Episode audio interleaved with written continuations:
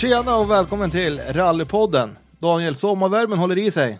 Ja, nu är det riktigt skönt ute. Nu är det bara rally som fattas. Så är det och rallyt börjar ju trilla igång här lite smått överallt i Sverige. Ja, vi hoppas det släpper nu så det rullar på med tävlingar. Exakt, och till helgen så åker ju vi Backes, eller Backe i Svenska Sprintserien i Nyköping och SM i Hässleholm och så är det ju backtävling nere i Falurum i Åtvidaberg där. Och då tänkte vi att vi behöver ha hit en backspecialist. Vi har inte haft någon som åkt back-SM och backtävlingar. Så då tänkte vi, vi bjuder hit Johan Eriksson från Ludvika. Välkommen! Tack så mycket. Ja, Johan, gick resan hit bra? Den gick perfekt. Härligt, härligt. Du, vem är Johan Eriksson för de som inte vet? Ja, kommer från Ludvika, uppväxt där hela livet i en motorsportsfamilj. Så motorsporten har ju legat varmt om hjärtat hela tiden. Det låter som de flesta inom motorsporten. Vi har ju några outsiders som inte haft motorsportbakgrund som Anders Åberg som var här förra gången. Han lärde sig mycket själv och var ute någon gång ibland med familjen men allt motorintresse kom självmant. Men hur började ert motorintresse i familjen? Ja, det började med att pappa körde själv som senare gick över till att hjälpa andra och vara med på service och skruva. Så var väl bland annat med åt Eken, Eh, och Toyota-stallan också varit med. Så, du ja. ser, alltså det är ju stora namn här. Eken är ju uppifrån era hemtrakter också där uppe i Ludvika. Säg. Ja, det är en riktig ikon. Exakt. Och jag tror Ludvika är ju en riktig, som har en riktig rallykultur i sig, själva staden. Det är mycket rallychaufförer som kommer runt, runt om Ludvika och det finns mycket klubbar runt Ludvika också. Ja, det gör ju det. Vi har ju fyra, fem klubbar som ligger runt sjön Västman då, så det finns mycket motor i själva kommunen. Så. När kom du in på banan? Du, jag kan tänka mig att du var ju med på rally säkert från barnsben, bar, barnvagnen till och med kanske? Ja, det var, jag var åtta månader första gången jag var ute på tävling. Och det är 800 meter från där jag bor nu. Så då sa föräldrarna att jag fick uppleva första rullen redan då. Ja, det var så. Alltså det, det, det är det där man brukar komma ihåg först. Det är första avåkningen eller första rullningen sådär. Ja, fast det är ingenting man riktigt kommer ihåg från åtta månader. Men Va? man har jag, fått, fått det berättat. Du, jag trodde du hade järnkoll. Nej, skämt åsido, men det är alltid kul när man får sådana minnen återberättade också för sig. När man var iväg på första tävlingen och, och vart den var. Och då kan man ju säga att cirkeln är sluten nu om det är 800 meter från där du bor. Ja, visst så är det. Så. Men när föddes intresset att du kanske skulle börja hålla på med det här själv då? Med motorsport? Ja, det började vid 2000. Då började vi, åkte jag med som kartläsare med Tobbe Johansson i gamla Audi 80. Så vi åkte väl hela 2000. Sen därefter till 2001 så började väl att man ville köra själv. Ja, det var ingen dålig chaufför då fick börja åka med då? Nej, han var rätt vild på den tiden. Nu är han lugn kan man säga. Fast han har lugnat ner sig. Fast det ser rätt brutalt ut men då, då gick det överallt. Stock och sten. Och man har ju tagit sig en bit i karriären också så då måste man ju börja med att ladda för fullt från början. Ja, alltså man var väl självmordskandidat att sätta sig där på en gång då. Eller annars hade du jävligt kul ihop med Ja, det hade vi. Vi har mycket minnen därifrån. Vi har en Quattron. Och vad har du några minnen du kan ta med här från början? Ja, vi skulle ner till Huddinge, tror jag det var. Jo, Huddinge. Vi hade ingen servicebil för det första. Den fick vi tag på sent på fredagskvällen.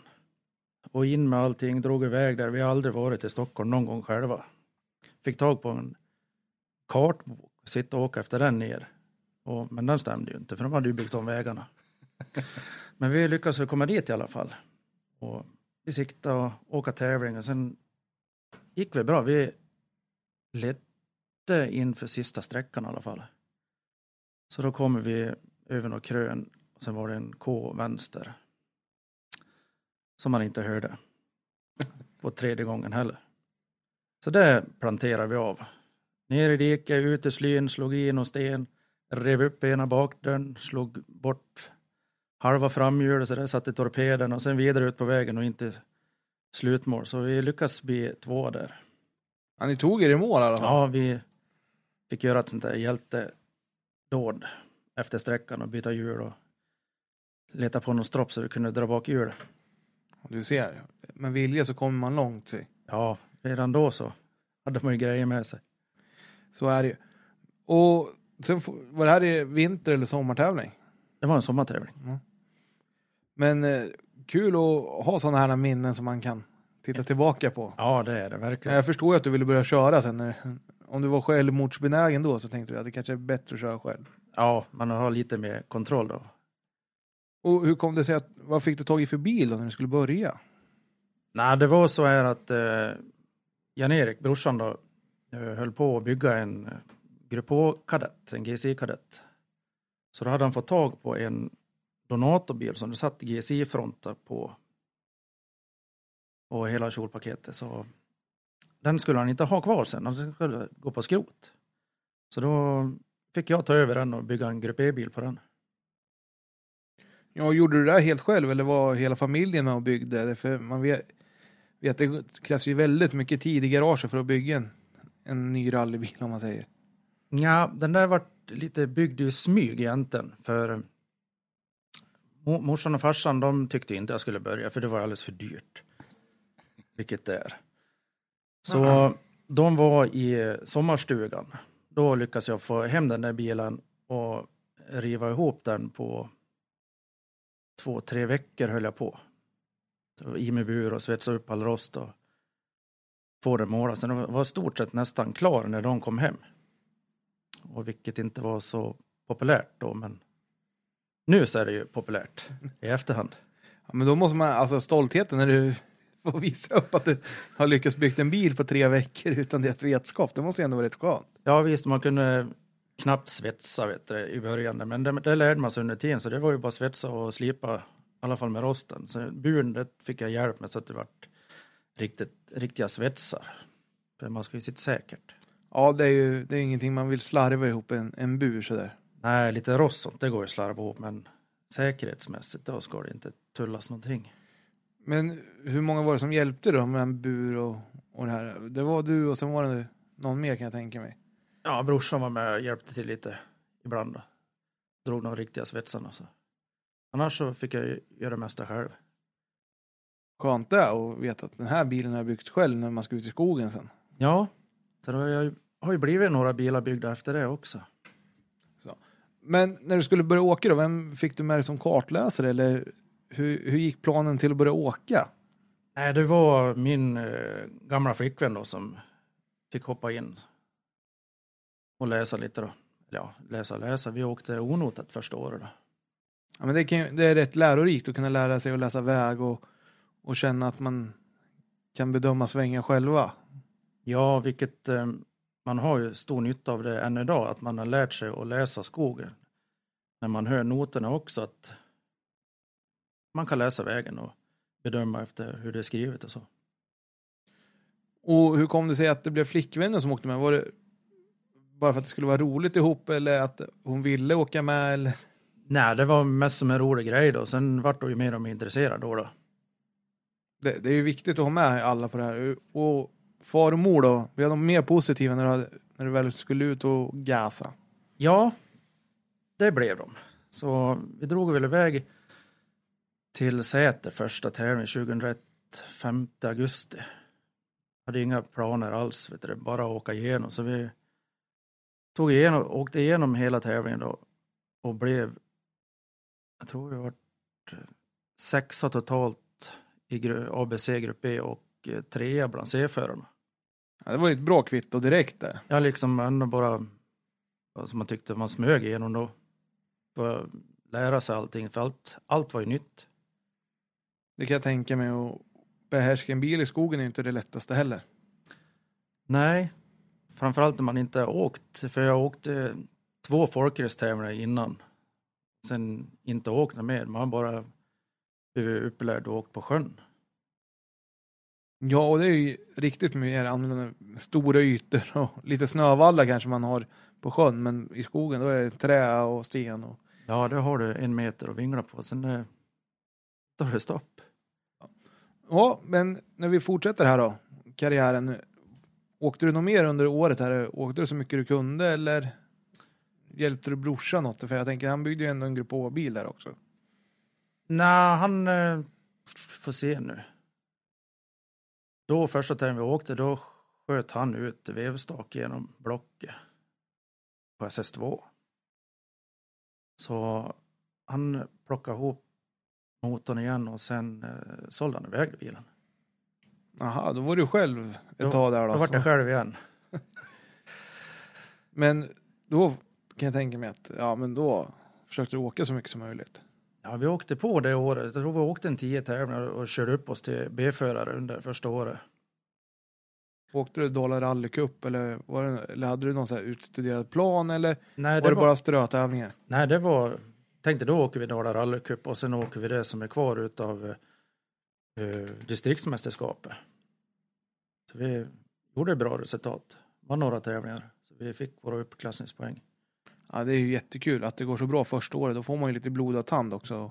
Ja, visst. Och det, du har ju fortsatt till, ända till nu så det, det måste ju ändå ha varit någon spår med det där att börja i grupp E. Alltså det är ju en riktigt bra instegsklass. Ja, framförallt så är det bill, billigt att åka en sån där klass. Grupp E, VOK, Suzuki. Det, man lär ju börja någonstans där man kan åka mycket. Och på vintern där då, hur, hur gick planerna då? Var det att fortsätta ha flickvännen bredvid sig och åka för att det var kul eller ville du åka någon serie eller något? Nej, då var det ju mer på allvar att då, nej, nu, nu trappar vi upp det här och då gick vi iväg och tog not, eller ja, co-drive heter det nu. Co-drive-licensen. Så vi kunde åka på noter. Och sen bestämde oss för att åka Dala Rally Cup och sen distriktsmästerskapet det året då. Men det är ju lagom alltså. Det är två serier, det brukar man kunna hinna med om det. Och någon tävling kanske gick ihop med varandra där. Nej, de, det var separat allting så. Men eh, de hade planerat in det så väl så att det var veckor emellan allting. Både på sommar, för Dala Rally-cupen gick bara på sommaren så det hade de parat in perfekt då. Ja, vad skönt. Och vintern då, du, säger, du började ju din karriär på sjöisar säger du. Hur var det att åka första vintertävlingen i skogen då? Det var smalt om man säger så. Det fanns inte så mycket att vingla på som att åka på sjön. Men eh, vi eh, åkte första tävlingen i Sandviken, Vinterpokalen. Som vi också lyckas vinna där. Så det var ju en bra start på en gång för vinterkarriären. Ja, det är ju riktigt skönt att få ett kvitto på att du kanske är lite, lite mer på fästet än vad Ja, för dina det, konkurrenter det var gjorde. man ju mer van med, men då hade man ju precis gått till skolan och allting och börjat jobba så det fanns inte så mycket pengar så man hade ju fått lov att köpa gamla däck. Det var ju, det var ju 2002 så jag hade ju däck från 92 och åkte på. Gamla Jocke 30 och sånt här. Det är grejer det. Ja, men... Det är kvalitet när det håller så länge. Sig. Mm. Så det var, var väl då bara att åka i spåren. Det gick absolut inte att komma utanför, då var, var man ju vallen. Och med en grupp E-bil så gäller det att åka i spåren också för annars Ja, det, för- tar, det tar ett tag innan det kommer upp i fart igen. Ja, för det drev ju absolut ingenting när man kom ut i mod. Ja, och jag kan tänka mig i distriktsmästerskapet så var det väl ett par vintertävlingar där i nedre norra. Ni brukar ju nästan åka lika mycket vinter som ni åker sommar då. Och se, jag kommer inte riktigt ihåg vart vi med åkte. Vinterpokalen kommer jag ihåg. Sen är det svårt med minne där. Jag tror vi var upp till Lima och åkte. Jag har ingen koll på resultatet. Nej, det är inte så lätt att komma ihåg. Det är ju, det är ju nästan 20 år sedan. 18 år sedan. Mm. Så. Men när vi kommer fram till gruset då. Hur var det att åka med noter förresten? Det var en säkerhet på sitt vis, för då visste man ju vad som var efter nästa sväng. Men sen var vi ju båda nya på det där om rätt timing och så det var gick ju knackigt ändå, men man lärde sig mer och mer för varje sträcka som gick. Så till slut satt ju timingen där så man kunde åka på riktigt tappade man bort så då fick man ju sitta och hjälpa läsa tillbaka, vilket jag än gör idag ifall någon skulle komma bort så kan man ju läsa vägen så att det är lättare för kartläsaren att hitta tillbaka. Men det är en superstor hjälp till dem också. Ja, Och, och få det. Ja, åkte du med beskrivande eller åkte du med siffernoter? siffror. För det är absolut lättast för den att, som är kartläsare att läsa. Ja, du hade ju testat på och åkt beskrivande innan med Tobbe där hörde vi. Ja, då åkte vi beskrivande. Så, Det, det, var, det är svårt att läsa tycker jag i alla fall. så du, du gick på de här nya noterna med siffror. Det, Ja, det här moderna. ja, det är ju skönt att höra. Kanske där generationsskiftet kommer någonstans. Att de som är under 40 nu började åka med siffror eller vad tror du? Ja, jag tror det var någonstans där. Slutet av 90-talet, all, alla började åka mer och mer siffror. Så det är därför andra kallas gubbnoter i, i folkmun nu. Ja, så är det. Vet det? Men kul att det, alltså, att det funkar skapligt med noterna även fast båda var nya.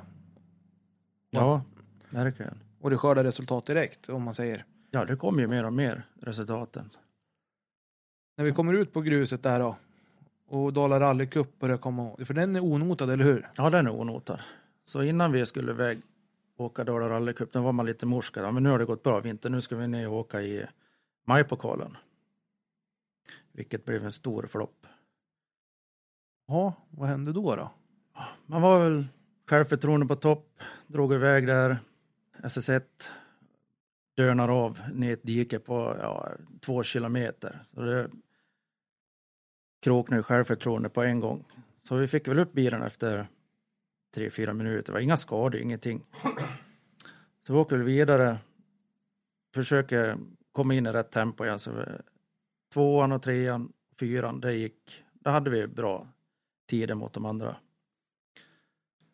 Sen på SS5 så går en soppaslang sönder mitt på sträckan. Får man ut och laga den. Iväg vidare till SS6. Det var ingen service emellan. Så då var man ju lagom ilsk. Så vi drog iväg där. Och det slutade med att vi slog bort bakaxeln 50 meter från mål. Men vi var absolut snabbast i grupp E plus att vi eh, hade åkt ifrån alla de här nya veteran som det hette på den tiden. Det är ändå ett kvitto på att du tog i i alla fall. Ja, då, då var det sådär eh, blunda och sväng. Jag tror inte du kom vidare därifrån utan bakaxeln. Nej, det vart kärra. Det blev kärra därifrån. Ja. ja, men du var ju snabbast dit. Ja, det är det som räknas. Ja. I alla fall om det händer så där. Ja, så stod det folk som man gjorde inte bort sig onödigt. Nej, det, det är ju också viktigt att det finns någon som kan hjälpa en. Och, Ja. vad heter det? Men då tänker jag, var det första gången utanför då, alltså nedre norra distriktet också? ja, då var det helt utanför, för då gjorde vi en sån här tripp bara för att. Sen var det bara att åka hem och reparera bil. Men det är du ju duktig på, har vi sett. Du har ju byggt bilar alltså. Det där skruvar Ja. du ihop på en kväll, säg. Ja, på slutet det blev alldeles för mycket. Så. Men när tänkt, alltså fortsatte du åka grupp E hela året här eller? Ja, vi åkte i grupp E resten av året, ända fram till, jag tror det var september. Då kände man, nej, nu är, nu är jag klar med det här. Gick, gick inte att åka något, något fortare i bilen. Har du något mer minne därifrån innan du byter klass där som kan vara lite intressant för yngre förmågor att höra eller av de du tävlar emot under det här året? Nej, nej men man sitter och åker en grupp E-bil, man, det går inte att åka fortare, man får vara ödmjuk, men vi var långt före i klassen. Kä- Kände jag liksom, och man låg bra med bland de trimmade med en grupp E-bil. Tänkte nej, vi måste steppa upp på något vis. Och nej, så, så blev det. Vad Så- hände då, då i garaget? Nej, så vi skickade ut eh, Grupp E-kadetten på annons och då kom eh, Janne Larsson ifrån Flen och köpte Grupp E-kadetten. Eh, dagen efter så åkte vi och köpte en eh, GSI-kadett, en Grupp H. Eh, ja, det var andra bromsar fram, en eh, Grupp N-motor och och en dogboxlåda. Var den likadan som Janne hade haft innan ungefär eller var det lite snäppet värre än hans eller? Nej, det var väl jämfört mot en skräck mot hur hans bilar brukar se ut. Ja, det för han brukar ha väldigt finputsade och väldigt ordning och reda på sina bilar. Ja, verkligen. Så, men den här, den var, den var en använd rallybil. Men då hade du, blivit, hade du hunnit bli A-förare här eller var det Ja. fortfarande B? Nej, vi, vi hade poängen till, till A, men då bestämde oss igen att vi, nej, nu gör vi en sån här tripp utanför dalgränsen. Så vi åkte ner till Katrineholm och åkte den tävlingen. Så där vann vi B-klassen och trea bland A-förarna. Så det var ett skönt kvitto på en gång i den bilen. Ja, det måste ju vara asskönt att sätta ett, ett kvitto direkt att jag gjorde rätt som bytte bil och att man får lite blodad tand också. Ja, framförallt för det var ju många som man hade sett upp till som åkte i B-klassen, bland annat i Ydrefalk åkte det. Så det åkte 240 har jag för mig. Det var riktig puts på den bilen. Det här kan man aldrig åka från. Man har ju sett den tidigare. Sen liksom lyckas man i första tävlingen, första sträckan, att man liksom satt tiden på en gång.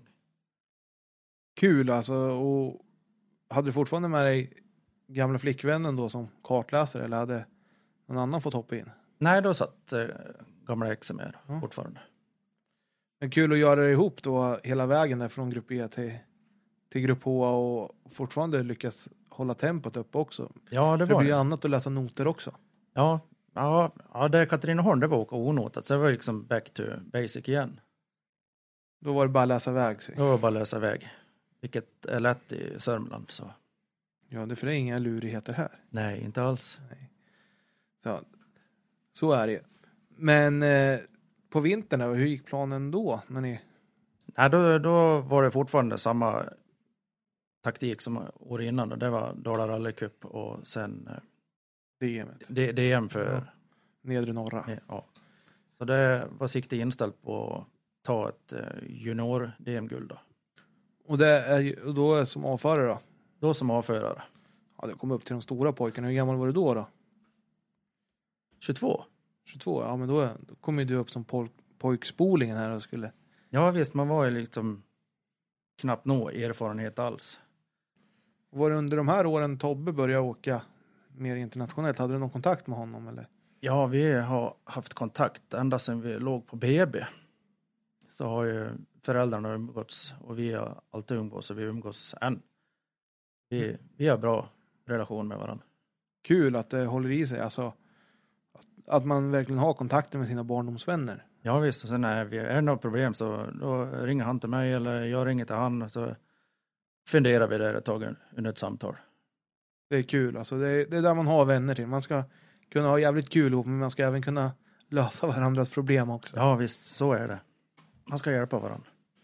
Ja, då tänker jag att då var det ju börja jaga sponsorer och sånt eller försökte du åka på egen ficka? Nej, då Ja. fick man börja på mer och mer ut och jaga. Så man fi- fick väl ihop en hyfsad budget. Så vi hade till startavgift och, och lite däck, bränsle. Men resten det fick man ju lägga in själv.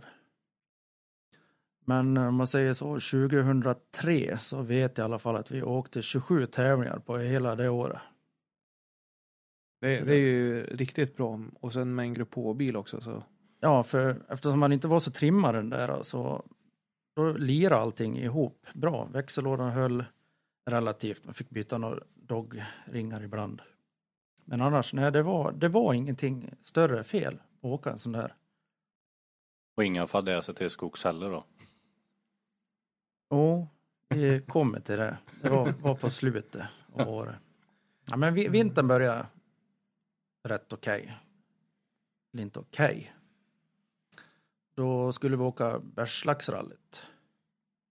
Hemmatävling. hemmatävling. Första deltävlingen hette riksmästerskap. Så vi eh, gick väl ut där och åkte första sträckan.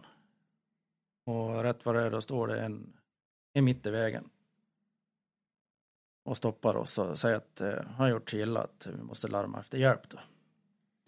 Så vi fick ju åka vidare och larma och stänga av sträckan då, för det var ju då den där tragiska olyckan. Mm. Ja. Så det var liksom första tävlingen med den bilen och sen komma till sån allvarlig olycka. Det var ingen höjdare. Nej du, det, det sätter sina spår kan jag tänka mig. Ja, det sitter kvar än på näthinnan när man åker förbi där och tittar på privat också så vet man ju, där var det. Det är alltså jättetragiskt att det händer men alltså vi har ju varit väldigt förskonade. Väldigt sko- förskonade har vi varit. Så det är väl den sista. Ja, det är väl 17 år det inte har hänt någonting någon riktigt allvarlig i Sverige. Ja, ja, det är väl publik och det som har varit och strukit med senast så. Så ja, jag tror det är- är bland, bland chaufförer i alla fall inom rallysporten tror jag att det är, eller kartläsare. Ja, Som, som Nej. det har hänt. Så nej, det är inget kul, vi behöver inte prata om. Nej, sånt, sånt vill vi inte ha. Men Nej, det är bra att säkerheten har gått framåt precis som den är lagd idag. Då, all burstoppning, rätta stolar, bälten, som handskydd och hybrid. ja, det är något man inte ska tulla på. Det har vi sagt i alla avsnitt här. Säkerheten, det, det är A och O för att vi ska kunna fortsätta med sporten tror jag. Nej, för det är ju ingen nackdel att ha ett skydd. Nej, så är det ju. Jag tror bara, det finns bara positiva grejer att sätta på skydd oavsett i vilket sammanhang det gäller. Så, nej, men om vi tar oss vidare då, hur, hur går man vidare efter en sån här grej? När, man, när du är bland de första på plats och vet hur utgången blev.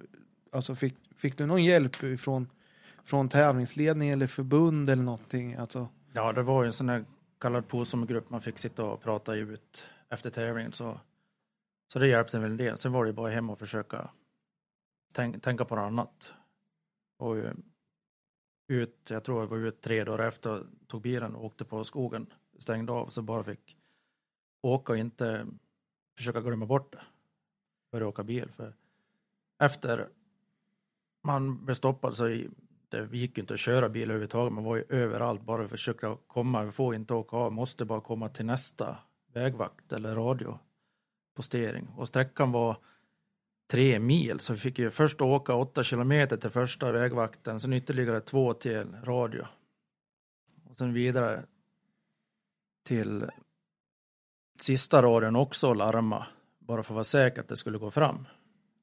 ja, alltså ja, den tiden måste jag ha känt som en evighet. Det måste jag ju Ja, det förstå. var, tiden stod liksom helt still där. Men då vill man ju komma fram fort så att eh, hjälpen kommer så fort som möjligt. Ja, och absolut inte ge bort sig. Så. Nej, men det är ju skönt att veta att man får alltså det här samtalen och alltså, sånt som behövs. För det kan ju fortfarande hända att man kommer först och hur man tar det vidare och pratar om det. Pratar du med vänner och familj när du kommer hem också? Alltså, Ja, ju för, för både mor och far var ju med i tävlingsorganisationer då, så det var ju, man fick ju mycket hjälp då på en gång. ja, det är skönt. Alltså, det är en passning vi ska skicka med till alla som åker idag också. Att det är bra att prata om grejer även fast det är jobbigt. Eller? Ja, nej, det är absolut ingen idé att stänga det inne så man blir bara sämre, så det är bara att prata ut på en gång. Det är bra att du säger det Johan. Alltså, vi måste ta upp de här negativa delarna också som finns. Risk att det händer. Så. Ja, jo, för det är ju risk. Varenda gång man sitter i en bil så man vet aldrig vad som händer. Exakt så. Men om vi skulle fortsätta, alltså kom du tillbaka och kunde åka tävling rätt snart efter det här eller? Ja, det var tävling tre veckor efter. Det var Söderhamn. Då var vi 70 startande A2 VD. Och blev 27 tror jag. Och mitt i det, alltså. Ja, mitt, mitt i. Så f- första sträckan då flög vi rejält och då sprängde vi stötdämpare fram. Så vi fick åka med en och en halv stötdämpare resten av tävlingen.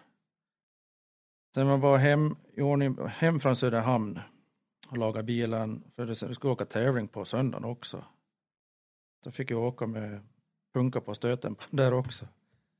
Men den, den lilla sprinten lyckades vi vinna. Vad skönt det är. Alltså att få en revansch. Alltså komma dit och sen vara snabbast där. Ja, nej, det beror nog mycket på att man hade sett och åkt 8-9 mil dagen innan och sen sätta sig och åka full fart igen. Så det, farten var i kroppen där i alla fall. Och det är ju som många säger, ju mer bil du åker ju lättare att komma tillbaka till ett snabbt grundtempo direkt om man säger. Ja, Så, ja det var ju, det var En till. liksom skön var det revansch. första A, A, Det var första, A se- klass, C, klassegen i A. ja. Kul. Sen drog vi iväg till Lima. Och det skaffade oss jobb i alla fall. Igen. Och allt hade gått bra på sista sträckan. Då kom man till den här klassiska Masten-svängen. Där sopade vi in hela hö högersidan. Så att eh, kartläsarna fick sitta och sopa bort snön vet du, från notblocket för att man skulle veta vart vi var sen då. Så det var bara hem och laga bilen efter det. Och då var vi 80 startande i, ja vad är det? Och jag tror vi var i mitten där igen.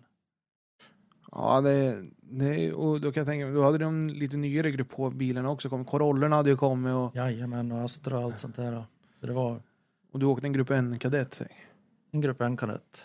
Så det, det är riktigt bra att slå sig in där i. Och så om du hade åkt av en gång också så.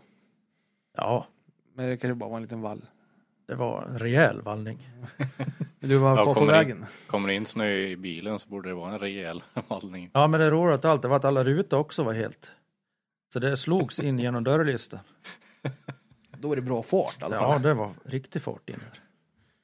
Så har du testat att åka så igen där nere vid masten? Nej, jag bara åkte när det har gått upp för nu på slutet. Jaha. Ja. Man får ju planera in, de åker ju varannat år. Så jag tar, åker var, Lima varannat år. Så jag kan åka upp för istället. Ja, ja, ja. Men du måste ju ta revansch någon gång. Ja, men han är farlig den där svängen. Okej. Ja. Då är det ju slut, alltså Lima, då är det ju slut. Då är det slut. Och dags att ladda om för grussäsong. Mm. Gjordes det några uppdateringar på bilen eller något här eller? Jag tror jag bytte luftburk på. Det var det enda som fick lite mer kallluft. Så fick på det här gamla Grupp A insug, eller luftburken som man tar luften innan, eller under vindrutan. Det var det enda vi gjorde åt bilen. Ja, det är ju Så han fick lite mer kallluft än bara varmt. det är alltid något i sig. Så. Ja, så ja, och då börjar du, börjar du med Dala rallycup eller var det någon DM-tävling först där på, på våren? tror jag, vi åkte ner till Sala och åkte absolut första asfaltstävlingen. I det här kalkbrottet. Och mineral... Mineraljakten. Ja. Där åkte vi första. Där har jag ingen minne av hur det gick. Då gick det säkert inte så bra. Nej, jag gjorde nog inte. Nej. Nej. Jag var- Så, sånt man lägger bakom sig. Ja, där åkte i alla fall första. Hur var det att åka asfalt då? Det var spännande, det gick inte att åka på sladd. För det provade man i början, men det skulle man inte göra tydligen. Man tappar tid. Ja, sen fick man lära sig åka linjer. Ja. Mer och mer. Så, men det kommer ju senare i din karriär. Åka linjer och sånt där också. Ja, det har ju blivit mer och mer så. Och den gick, ingick väl i, vad kan den heta den serien? Är? Sju klubbars va? Ja, sju klubbar och sen typ ja, vad, RaceNet rallycup eller Ja, det tror jag. Eller Nå- någonting sånt tror jag. Bildels... Bildels... Specialistcupen eller Ja, ja, jag tror det var något sånt. Någonting sånt har jag för mig att den hette. Nej, det, det åkte vi först. Och sen åkte vi resten av Dala rallycupen. Vilket, ja, det var många pallplatser där och någon bruten. Växelråden låste ihop sig en vända där. Jag tror det var Falun då åkte. Och lika året efter när vi åkte i Falun låste sig lådan på samma ställe. Igen. Det är inte kul. Alltså, Nej, det är inte roligt. Man får åka på tvåan. Fick, det varvar gött i alla fall. ja, det gör det. Och med, din, lill- med ditt temperament där så kan jag tänka mig att då fick bilen veta att han levde. Ja, den fick gå på varvstopp ett tag. Så. Nej, men om vi säger så här att eh, du, du är ju riktigt snabb på att åka när det funkar. Mm. Och speciellt onotat här i början verkar ha varit din grej. Ja, det var riktigt kul. Nu, För hela Dala rallycup var ju onotat. Så det, man fick ju verkligen lära sig köra bil då. När man var den klassen. Och under 2003, det var Christer Nilsson, Hellbo, Niklas Hägg, Micke Lundberg. Håkan Långqvist åkte också Dala rallycup. Så det var, det var ett starkt gäng där som man fick kampas med. Som, som junior egentligen då. Men det är ju kul att få motstånd direkt. Alltså man, man Ja, triggar det- igång sig själv. Säg. Ja men det var ju liksom, fan, det, man blir efter hela tiden. Men man visste ju att det var det är ju material allting hänger på. För det, det fanns ju riktiga, de åkte i riktiga fina bilar. Så det var kvalitet på. Sen kom han i en grupp N-kadett och sen lyckas slå sig in emellan dem ibland. Och ibland före. Så Dala rallycup 2003 så slutade vi tvåa totalt i hela kuppen efter Christer Nilsson. Och Christer är ingen dålig Nej, han åkare. var ingen dålig rattvidare. Men det var lite kul för jag och Christer vi hade båda lånade bilar till sista deltävlingen i Dala rallycup. För två veckor innan finalen i Dala rallycup så gick även finalen i eh, DM då, distriktsmästerskapet. Vart var ni då åkte då? I eh, Hofors, Kratte Masugn, Okej, ja. första sträckan. Vilket inte gick speciellt bra. Nej. Vi drog väl iväg. Jag och Micke Johansson hade lånat in som kartis. Så vi pep iväg där, ettan, tvåan, trean och fyran. Sen får jag en not. Jag lyssnar på noten. Och vi slår av vägen som bara den. Rullar ett och ett halvt varv. Vi bara flis kvar av bilen. Så det var väl så att man lurade sig på en liten lucka på vägen då. Så det var, ja, helt bedrövad var man. Du hade bara behövt ta i mål den tävlingen har jag för mig för att, Bara åka runt den tävlingen. för att bli distriktsmästare för juniorer, eller hur var det? Ja.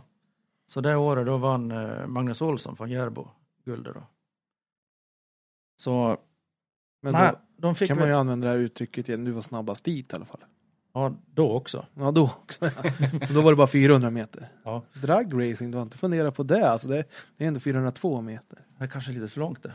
Ja, det, kan, det är ju två meter till. Ja. Nej, så då fick de undan min bil därifrån och sen kom Niklas Hägg, slog bort bakhjulet.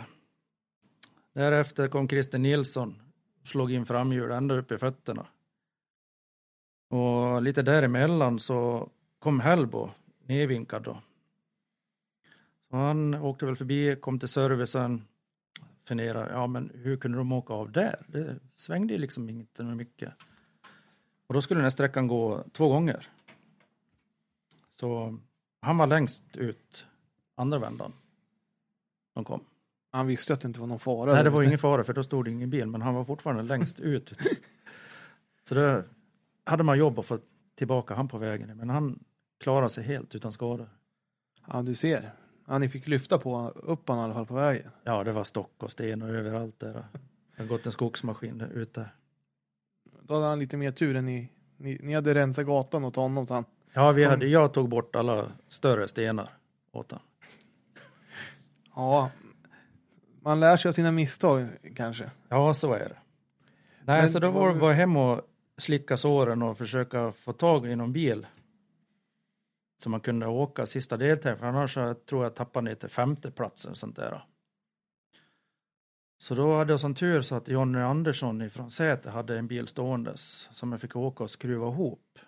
För den stod i delar, så jag åkte dit och skruvade ihop den på en eller två kvällar och fick hem den och sen åkte i den bilen. Det var en Ford Escort, som är framhjulsdriven, grupp M-bil.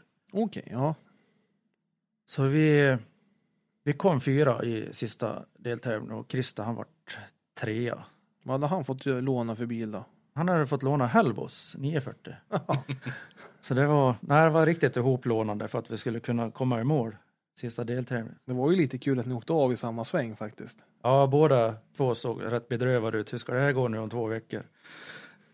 Vi var ju där och krigade också, samtidigt som vi krigade i, i DMet. Ja, men du blev två i junior-DM i alla fall för juniorer där eller? Ja, det året var det två. Och två i Bilsport rallycup. Eller vad säger jag? Dala rallycup ja. Så det blev, blev två andra platser där.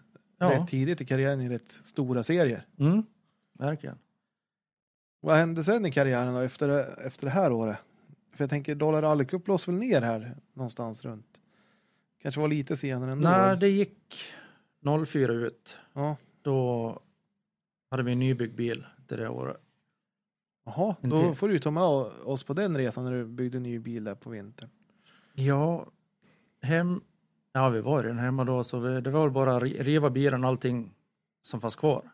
För karossen, det, det, var, det var oräddbart.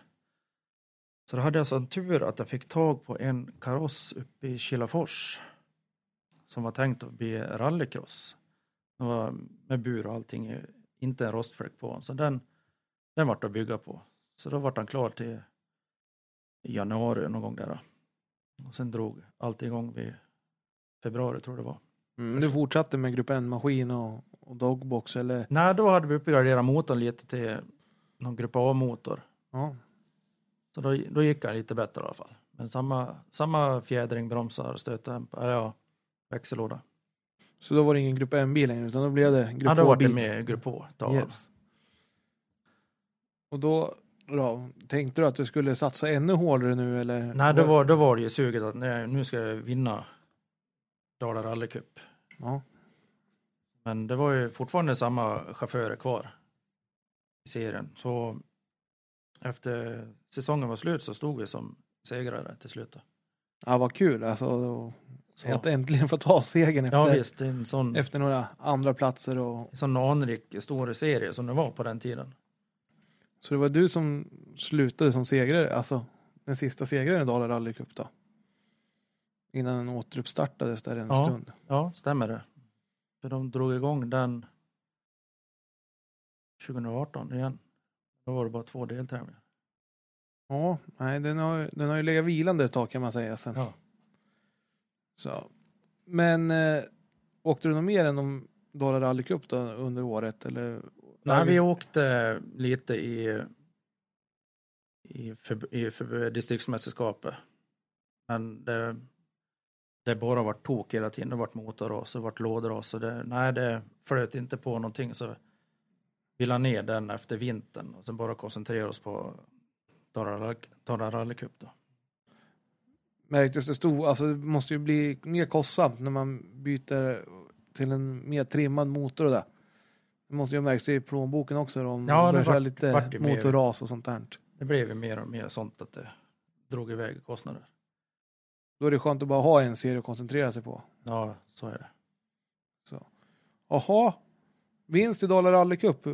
Det måste ju varit en stor milstolpe i karriären i alla fall. Mm, det var det verkligen.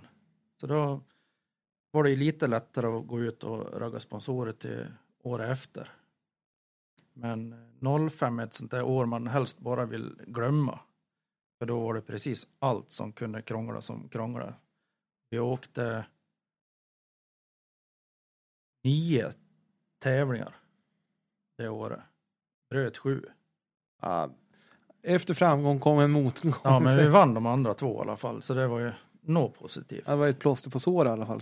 Ja, det- var bulig bil och det var två växellådor tror jag gick sönder det året. Så, nej, det, Det, det, du hade kort. trimmat för mycket helt enkelt. nej, det, nej, det hade börjat gått så mycket så att det gick sönder bara. Slitagedelar och Ja. sånt. Säg. Så det till 2006 så då var det en helt ny motor och en helt ny växellåda. Så då åkte vi SM-premiären i Bergslagsrally. Så vi låg, tror vi låg fyra tills lådan rasa, den nya. Igen då. Då måste Renault, Redon ha gått ner Ja, då, totalt. då var det liksom, nej, det här är inget kul alls. Så det var väl hem igen då, riva ur växellådan, stoppa in en ny växellåda, drog iväg till Dan Anderssons minne i Fredriksberg. Och ja, snabbast dit som vanligt. Drog vi av vägen i en vänsterkrok. Ja, då- där det var rätt mycket avåk. Va? Ja, då var det, då var det mycket. Då planterade vi rejält. Sen, sen när vi väl har fått upp bilen och de står och var, vinkar och varnar ner då. Medan vi håller på att ska sätta på oss bälten för att åka iväg. Då är det en som kommer och kör rätt in oss. Det är inte alls... Alltså, Nej, liksom då var det, nej, usch, nu, nu får den här bilen flytta från mig. Då var det en otursföljd där. Utan, Ja, det, det gick troll i den. Så, men som tur nog så vart det försäkringsgrej på det eftersom jag blev påkörd. Så det, ägaren som köpte den, han fick ju ta ut det på försäkring, det som skulle lagas. Ja. så man fick ut det jag ville ha för bilen ändå, fast den var bulig. Så fick jag han lösa det med försäkringsbolaget som inte var något problem alls. Nej, om man tar en sån grej då, för det är inte heller alla som har varit med om. Vad händer när man blir påkörd sådär eller? Ja, det är ju så här, kör du av vägen och burar bilen själv, då är det ju ditt ansvar då. Men eh, blir du påkörd av ett annat fordon, då är det ju bilförsäkringen som går in, hans bilförsäkring går in och täcker dina skador. Ja, det blir tredje par. Alltså Ja. du blir ju tredje part i det hela om man säger. Yes. Och det är ju där som man behöver, man behöver ha lite koll på sånt här. Det tror jag inte alla har, hur det funkar. Nej, man har ju grottat ner sig lite grann eftersom föräldrarna har hållit på med tävlingsbiten så länge så har man ju själv grottat in sig på att vara tävlingsledare och tekniker och allt sånt där. Så man har ju hållit på och läst lite i regelböcker så det är, det är rätt bra att kunna regler. Och kryphål som tävlande. Ja, det är alltid bra. Alltså, Det, kryp, det är både bra och dåligt. ja, det, är, det kan ju bli jobbigt för oss som är tävlingsledare om, om det är någon som är riktigt påläst. Ja, kommer någon dryg förare som... Kan verkligen reglementet innan och utan sådär och Ja, kan som- de här kryphålen. Alltså man kan ju vara, vara väldigt dryg ibland som tävlande. Ibland så, nej, jag, nej jag, jag struntar i det, det jag såg där borta och allt sånt där. Men sen när det liksom gäller så här, tiondelar och hundradelar, då, liksom då, då blir det block allting. Då liksom går hela linan ut där att nej, det där, nu går vi inte efter regelboken igen, nu tullar vi där. Då är man dryg och dit och säger till. Ja, men det är ju så, alltså, man må, alltså alla behöver ju lära sig. Och, Ja, och, framförallt. och, och kunna diskutera också. Man behöver inte vara dum eller så. Utan man ska ju göra rätt och på rätt sätt. Ja, verkligen. Vi ska ju åka på, på samma villkor allihopa. Det är därför det finns en regelbok. Yes, och den ska vi inte tulla på. Nej, för om vi väl börjar där så kommer, det, då, då kommer man längre och längre ifrån det till slut. Och då, till slut så är vi i något nå mellanting. Alltså då blir det mycket tolkningssaker och det vill vi inte ha. Nej, det var fa- framförallt inte det. Så. Men när du väl blir av med kadetten då, vad tänkte du? Ska, ska du ta en paus från rallyt då eller hur, hur gick planerna? Nej, då var det ju 2006, det året som Robin Sandberg åkte väldigt fort vet du, i Saaben. Så, så Saab, eh, en Saab-kaross var redan köpt vet du, innan Open var såld. Då. Jag åkte ner till eh, Anders Norstedt och köpte en, en råkaross med ny bur i. Där, jag tror det var tre veckor efter tävlingen. Vi var påkörda. Jag tror det var början av mars var vi ner och inhandlade den. Ja, Sen var det bara börja bygga på den då. Så vi åkte första tävlingen som föråkare i Uppsala i augusti. Tror jag bilen var klar. alltså det är ju en hel, alltså vad valde ni för ma- maskin? För Robin han åkte väl turbo i sin va? Ja, jag byggde också på en turbomaskin. Du gjorde det? På en, jag tog en ren standardmotor då.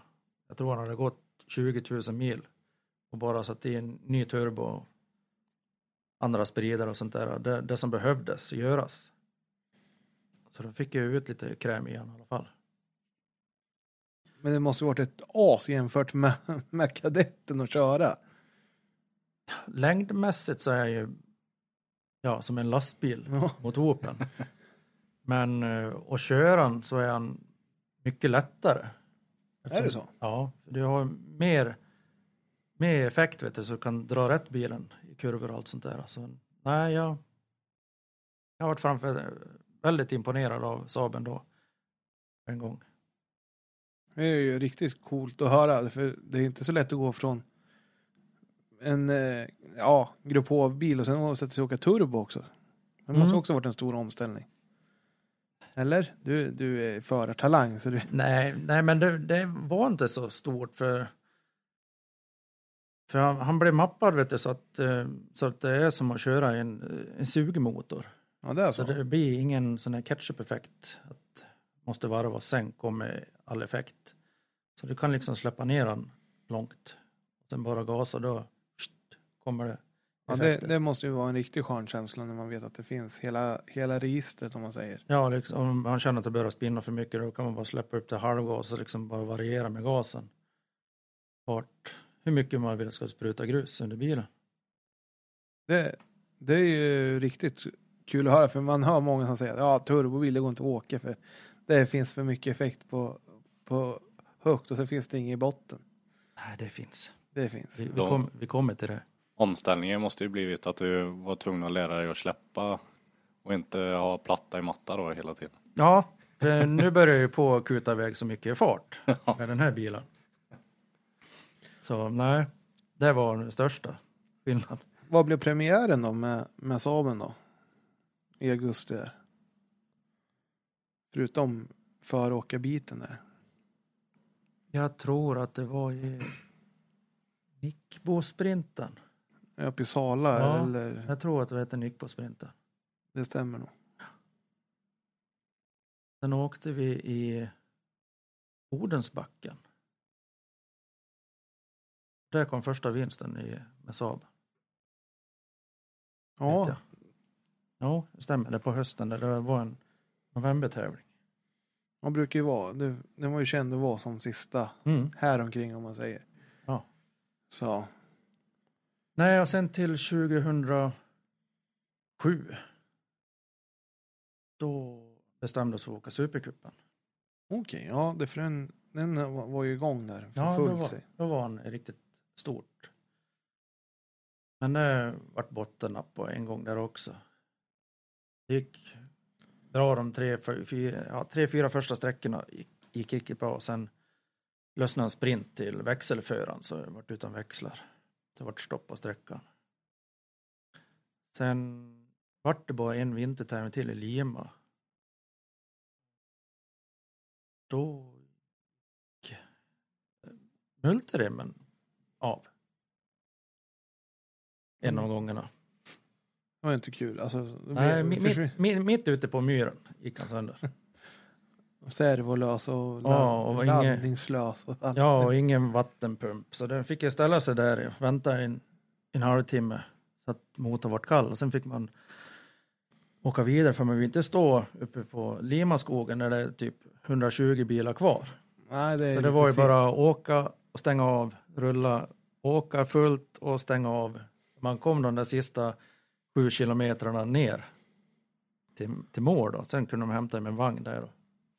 Ja, nej, för det brukar ju vara en 250 bilar så, Ja, det var det ju som vanligt. Så, sjukt mycket bilar då. Så då blir det, ju, det blir ju några timmar uppe på en myr och det är inte jättemysigt där i, i Nej. Limaskogen. Nej, det är verkligen inte. Och lite frustrerad kan jag tänka mig att Johan var också. Nej, då hade man vuxit till sig lite, kanske. Jag hade det. Alltså. Ja, då hade humöret börjat förändras lite. Skönt det i alla fall. Va, vad hade du för kartläsare nu då? Var det Micke som åkte med? Nej, då åkte Stefan Söderholm med på Borlänge. Okej, ja. Hoppa in då. Han åkte med hela det året förutom en tävling tror jag det var. ja. men det är skönt att ha lite fast sådär. Ja, Men vad, hur fortsatte de med Supercupen? ja vi åkte, åkte vidare med stor flopp där också. Mycket växellådskrångel. Så då bytte vi växellåda. För vi åkte en sexväxlad synkad först. Då, nej men en dogboxlåda det är, det är mycket bättre. Det, det ska man ju åka med. Tyckte jag, för det var, ju, var man ju van med. Och det var ju bra. Bara att de var ju, tålde ju inte min körning så den gick ju sönder stup i kvarten den också. Så då till, jag tror det var augusti 07 där, då skulle Robin sälja iväg sin, Robin Sandberg sälja, sälja sin traktivlåda. Så då köpte jag den. Den sitter ju igen. Ja, alltså det är, det är bra grejer. Ja, det, det är riktigt bra grejer. Lång livstid i alla fall på det. Om du har haft det i, vad blir det? Sen 2007?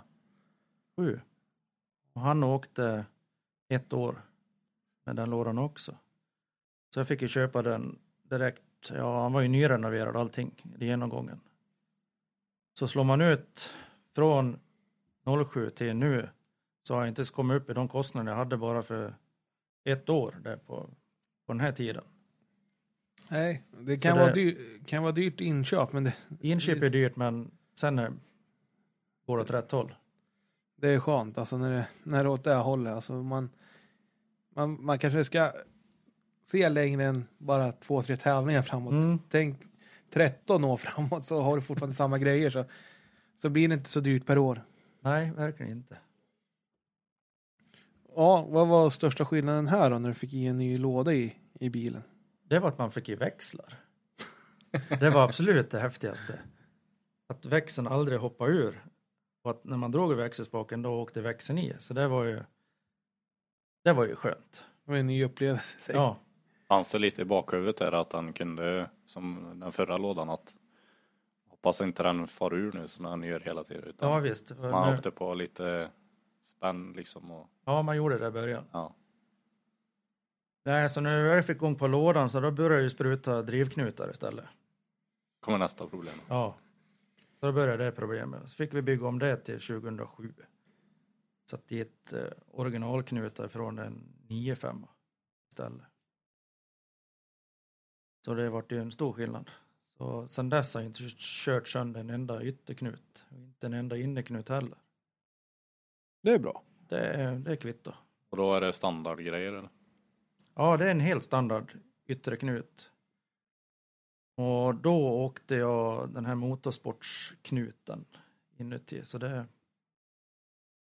det, det funkar.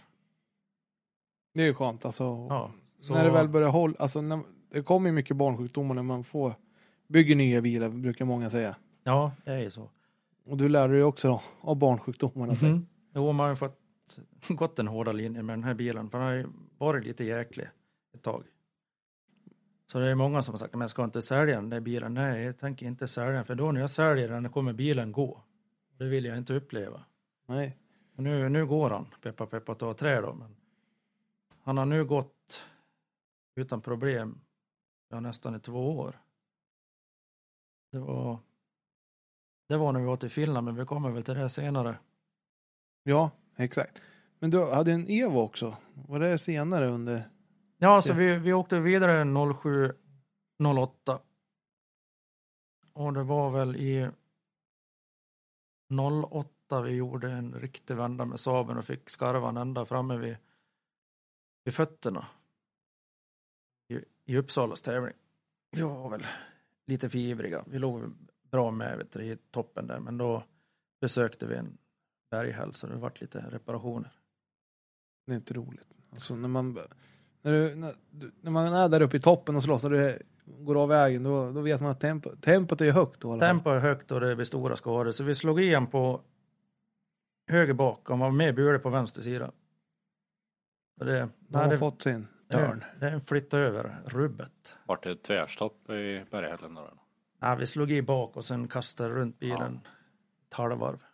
Vi stod emot körriktningen. Så nej, det, det small bra. Och sen var- direkt då skulle man ju på startknappen. Jag tänkte, vad fan var det där som duscha? Nej, vi provar igen. Och det duscha lika igen. Ja, då hade ju slagit av soppalina så det sköljde ju oss vet du, med sprit, etanol över oss då. Det bara, åh, åh, ur bilen. Här ska inte vi nej, Då vill man inte stå bredvid bilen på nej, och sen en varm katalysator bak där det rann ner och nej usch. Det var, nej vi hade lite tur där. Och etanol är ju inte så att det syns heller när det, när det väl... Nej, det blir bara varmt. Ja. Mycket varmt. Då hade ni änglavakt kan man säga. Ja, det var ren tur. Så, ja. Då Nej, var det hem och reparera igen sig. Ja, då var det hem och reparera första TDU då. Så vi reparerade ihop den på fyra veckor var den klar. Då hade skarvan gjort allt själv på den igen. Jag, fick inte, jag hade en kompis som målade, det var det enda. Annars så gjorde allting. Först, det var första gången jag skarvade en bil också vet jag. Gjorde ute på gruset hemma. Med plankor och doner och försökte bygga upp några jiggar så man fick tillbaka det rätta. Men det fick du. Ja, han vart, han vart bra. Han vart en millimeter för kort på en sida. Det, I dörrhålet, men det, det är petitesser. Ja, en millimeter är ju... Det är ju Ja, inte- en millimeter mot vad det såg ut för då gick det inte att få igen dörrarna ens. Ja, då är det, då är det helt okej. så. Ja, vi fick liksom banka upp då när vi skulle ur bilen. Sen fick, det gick inte att stänga dem ens. Nej, så då när den var klar då åkte vi ner till eh, Odensbacken igen och det vart ju flopp där i. Det gick sönder några bromsledningar och allting på en gång. Då var, då var jag så där trött på den bilen igen så då sålde iväg den och köpte en Evo. Evo 4 som var ombyggd till sexa utseende. Den åkte du ju, alltså det... Hur var det att åka fyrhjulsdrivet jämfört med att åka tvåhjulsdrivet då? Det var ungefär som att åka med Saaben. Det är ungefär samma körstil, bara att här har du ju bakändan som sladdar med hela tiden och driver ut. Så gå över till den var ingen större skillnad när man åkt Saaben. Så du hade tagit ett steg känner du? Från kadett till Saab till fyrhjulsdrivet? Ja, det är liksom, ja men nu, då var jag trött på den bilen igen för det bara var krångel och sen ville jag prova något helt nytt. Så ja, nej men det är ju alltid, alltså man ska prova när man kan. Så. Ja, visst är det så.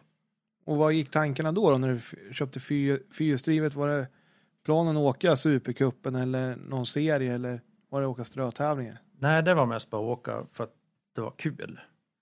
Och komma tillbaka att det är roligt att åka bil. Lyckades du med det här då? Med det här? Ja, delvis. Så första tävlingen vi åkte, det var en sprint i Hällefors. Så det lyckades vi komma tvåa totalt bakom Håkan Svensson. Den gamla räven. Ja, han har ju åkt Mitsubishi bra antal år där innan dig så. Ja, jo, så det var ju liksom milstolpe att, ja men vad fan det är, det går ju det här också. Sen hem vidare till Dan Anderssons minne. Då vart vi trea. Fast då, jag för mig, det hoppade en växelvajer på sista sträckan. Så vi hade bara fyran då. Men vi lyckades ändå bli trea totalt. Så det var Torselius och en till stockholmare som var tvåa där. Okej, ja. Det, nej, det var också ett kvitto. Det går åt rätt håll. Verkligen. Alltså det är ju det är inga dussin. Torselius åker man ju inte ifrån hur som helst. Nej, en, en potent Evo 9 åkte han i då så och lika den andra han åkte en Grupp A Evo 8 så. Nej, det var, nej, det var riktigt kul. Det kan jag tänka mig. Alltså det... Och det var ju det var ju då Evorna var som som populärast runt de här 2008, 2009. Ja, då var det ju riktigt stort där. Så, men vad så då fortsätter du åka bara lite som du kände för att Ja, då kommer vi fram till eh, grussäsongen. Då ska jag bara det vanliga, ut och kolla så att det inte är något missljud eller någonting. Så jag tog med repa, sen åkte vanligt, kom ut från en korsning och sen var jag på väg hem, för det var, det var ingenting. Så jag åkte ettan, tvåan, trean, fyran, sen ska jag skjuta i femman, då bara smäller det bara till. Det var bara låta illa. Då går det i två växlar samtidigt, så man stannar efter kanten, öppnar huven och då ser man hela drevsatsen utan att behöva skruva se någonting. det är inte, Så, så växellådshuset var helt spräckt. inte roligt. Nej, då liksom såg man bara tusenlapparna flyga. Har jag nu då? Ja, det var bara hem, skruva ser, fick eh, hjälp att få tag i grejer, fick sälja en kross och släpvagn och allting bara för att få ihop till växellådan. Då insåg man att fyrhjulsdrivet är inte det. Nej, det är, inte, billigaste det, det är inte kul liksom. Ja, ta ihop den igen, åka en tävling. Kommer inte ihåg vart det var. Det gick bra i alla fall. Sen hem igen, så väg åka nästa tävling. Ja, samma visa igen, ut och provar. Pang, smäller i växellådan igen. Inte en till nu. Ja, fast då såg man bara halva drevsatsen i växelhuset. Det var två sådana där riktiga smällar samma år, eller ja, inom en månad. Så det var, nej, då var det tungt. Du, det kan jag tänka mig. Alltså det, Så då, då var det bara till att slicka sår och jaga upp pengar som man fick ihop till, till nya delar till lådan igen. Så det vad det var som hade orsakat. Ja, det var en sprint som hade gått av båda Ja. gångerna. Jävla otur att få Ja, två lådor som... en liten sprint vet du, för tre kronor går sönder. Ja. vid 30-40 i slutändan. Fy fan. Då är det, då är det tufft, men Ja, nej det var ju... Du, du, inte, du gick ju inte ner dig och... Nej, så det var ju bara hem igen och försöka göra det bästa av situationen. Så då tänkte jag, nej, nu åker vi bara det som är kul. Då ska du ju fan ju testa. Ja, men vi kollar så att bilen går i alla fall. nej, så då åkte vi ner till till Götene. Åkte vi. Tänkte nu, nu gör vi något helt annat. Nu åker vi bara till rally för att se om skräpet håller. För då, då var man också less ett tag. Åker ner till Håkan Svenssons hemmavägar och blir tvåa efter han. Jag tror det var tio sekunder efter han. Då på Götene-rundan. Det var, ja, det, då släppte allting. Det var riktigt skönt. Ja, lite, en liten revansch i alla fall att få, Ja. få komma i mål. En lite längre tävling också. Mm. Och inte bara någon sprint så här. Sen skulle vi åka en sprint i Borlänge så då skulle jag bara prova att göra en start hemma. Ja, då skjuter jag kardan, en drivaxel och en knut. Går rätt av. Då fick man sitta och åka skytteltrafik ner till Kolsva till Ronny Jakobsson för att ta tag i grejer. För att få upp bilen på ja, det en lördagstävling här nu på fredag. Så det var lite halvpanik att få upp bilen där. Ja, du gillar ju att skruva verkar det som. Jo, det har- Viljan finns. Ja, det har ju blivit mycket skruva. Långa nätter. Men det är ju något du kan då. Alltså, du är ju inte bang eller så här. På. Nej, man... Och nya lösningar måste du ha kommit på massor. Oh ja. Det har man kommit på mycket grejer. Det låter som vi har lite material till eh, sista frågorna här sen. Ja, det får vi hoppas. Här. Ja. Så, Det tar vi senare. Nej, så jag tror det var sista grustävlingen 08. Nej, det var någon 09. Vi var ner till Götene där. 10, då skulle vi göra. Då tyckte vi att vi skulle åka i Sandviken, vinterpokalen. Samtidigt som det var SM. Så då skulle vi åka DM-klassen. Och det gör vi. Inge, dåligt med budget, så vi hade kalasdåliga däck, vet jag.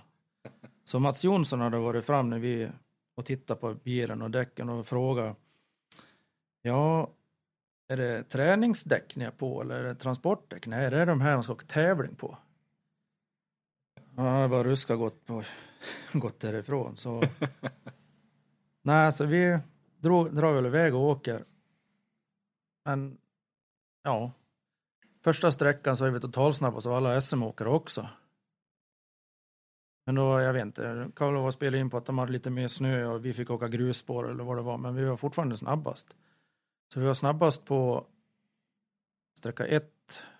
och tvåan så var vi två, tre, fyra totalt och sen sträcka tre var vi snabbast och sen åkte vi sträcka fyra som sista då. Jag tror det är två kilometer före mål så då, då skjuter jag eh, framdiffen i bitar.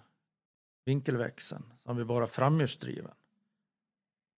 Och nej, då, var, då var jag så förbannad och Kartla sa nu får vi stanna. Nej du. Är det redan så här dyrt då kan det bli ännu dyrare. Så vi åkte sträckan ut och åkte tre mil vet du, ända in till slutmål. Så vi vinner klassen med ja, över en minut, DM-klassen. Det är riktigt bra gjort alltså. Då, nej, så det var sista repan med Evon. Då fick jag tag på en ny vinkelväxel, satte ihop den och skickade iväg den. Då var jag, fick jag avsluta med en seger i alla fall. Ja, Vart hamnade den sen då? i Eskilstuna. Eskilstuna. Mm. Men däremellan innan jag sålde den så åkte jag i den här tävlingen med Kristoffer Bäck Ja, i Kolsva.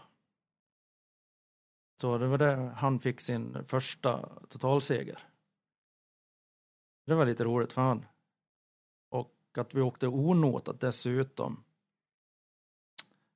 Eh, Vi hade 119,7 i snitt onotat.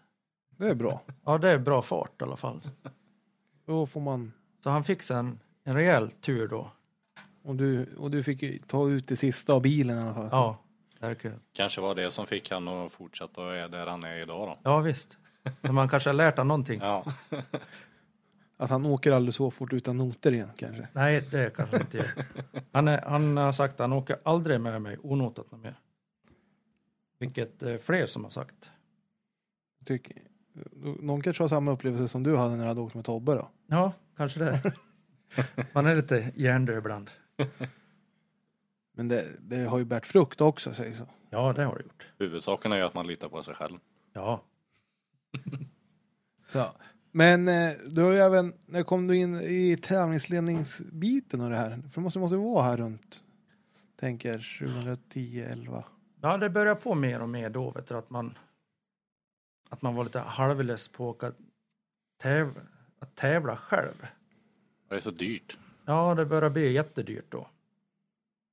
Men när jag sålde Evon och sen köpte jag tillbaka en, eh, den bilen som brorsan byggde 2001 där och den köpte jag tillbaka hösten 10, tror det var. Kadetten. Rätt GSIn. Så det började ju med motorras och grejer på den också. På en gång. Så det var ju bara att renovera det och sen ställde jag undan det och sen började jag på mer och mer med den här tävlingsbiten att arrangera tävlingar, kupper och sånt där. Mm. Vilken blev först, kommer du ihåg din första in, alltså tävlingsledarroll eller större roll sådär? Det var nog... Måste vara en hemmatävling vi hade. Jag tror det var Ludvika-ruschen, en sommartävling. Jo, det var det. Det var när vi körde Ludvika-ruschen mitt inne i centrum på asfalt. Där gjorde jag min första tävlingsledarroll.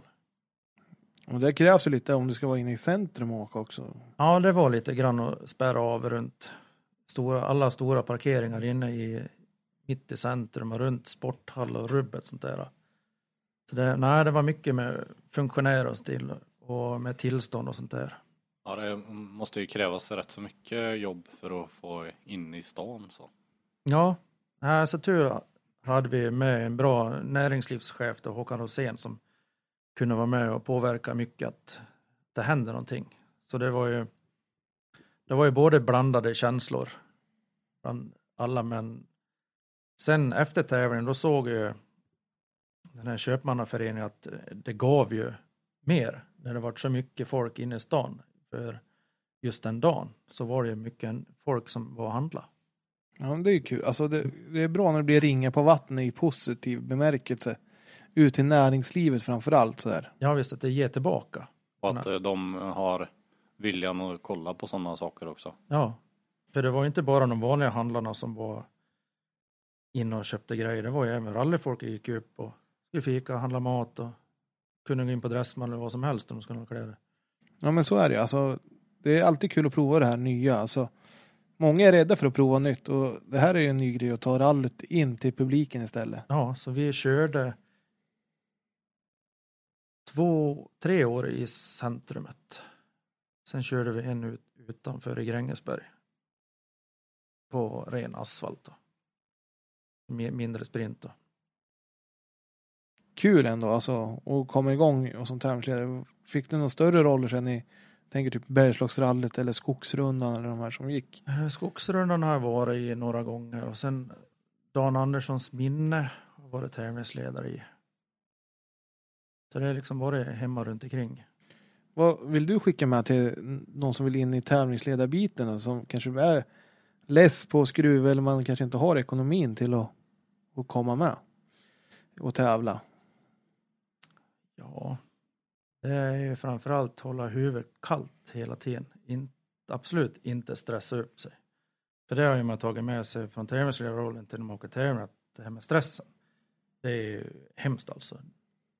Framförallt på en tävling där man står som absolut ytterst ansvarig om det händer någonting. Det är alltså du som får skaka galler om det liksom händer någonting allvarligt. Det är det. Så det, nej, det är liksom, man måste göra allting rätt för att det ska bli bra. Men sen, man gör ju inte allting bra hela tiden, så man lär sig efter tiden. Men framförallt hålla huvudet kallt och ha bra folk runt omkring sig. Ja, det är ju A och O att man litar på dem som är närmast om man säger biträdande tävlingsledare. Ja. Och de, alltså tekniska kontrollanten och domarna kommer ju utifrån men där du har banchef och att allt sånt sitter där det ska och man Stämmer. håller varandra om ryggen när det väl Ja, och sen att man verkligen delegerar ut så man inte har sådana här klumpar som blir kvar, som man grottar i sista veckan. Ja, det där med delegera, det... Det lär du lära dig. Oh, ja, jag kände det ett antal gånger har jag gjort. Det sena, speciellt förra året när, man, när vi åkte rally-SM. Alltså, Ja, det, nej, det är viktigt att kunna delegera. Men det, det är svårt i början ska jag säga. Ja, man vill ju gärna hålla kvar, men man måste släppa. Så är det ju. Man Och, kan inte ha allt själv. Nej, så är det och man måste våga, våga lita på de andra Ja. runt omkring sig. Och det tror jag många behöver ta, ta med sig i tävlingsledarrollen också. Även fast jag aldrig har varit tävlingsledare. Jag har ju bara varit banchef och organisationsansvarig då, men aldrig stått som tävlingsledare så vet man ju vad det innebär. Det är någonting du får prova. Ja, men vi, jag skulle ju ha gjort det i år, men det... Ja, jag har ju varit det på folkrace och på så här sprintserien. Men aldrig på, på rally då. Riktig rally. Nej. Det blir ju lite mer roddande med, med tillstånd och det som ska in. Mm. Verkligen att alla markägare är påskrivet och allt sånt är klart med boende. Och för det har jag ju haft när vi har kört, då har jag varit banchef och då har man ju haft, så den biten är ju, Den är liksom avklarad. den, den biten är avklarad. Så nu är det bara det till Länsstyrelsen. Som Resten. ja.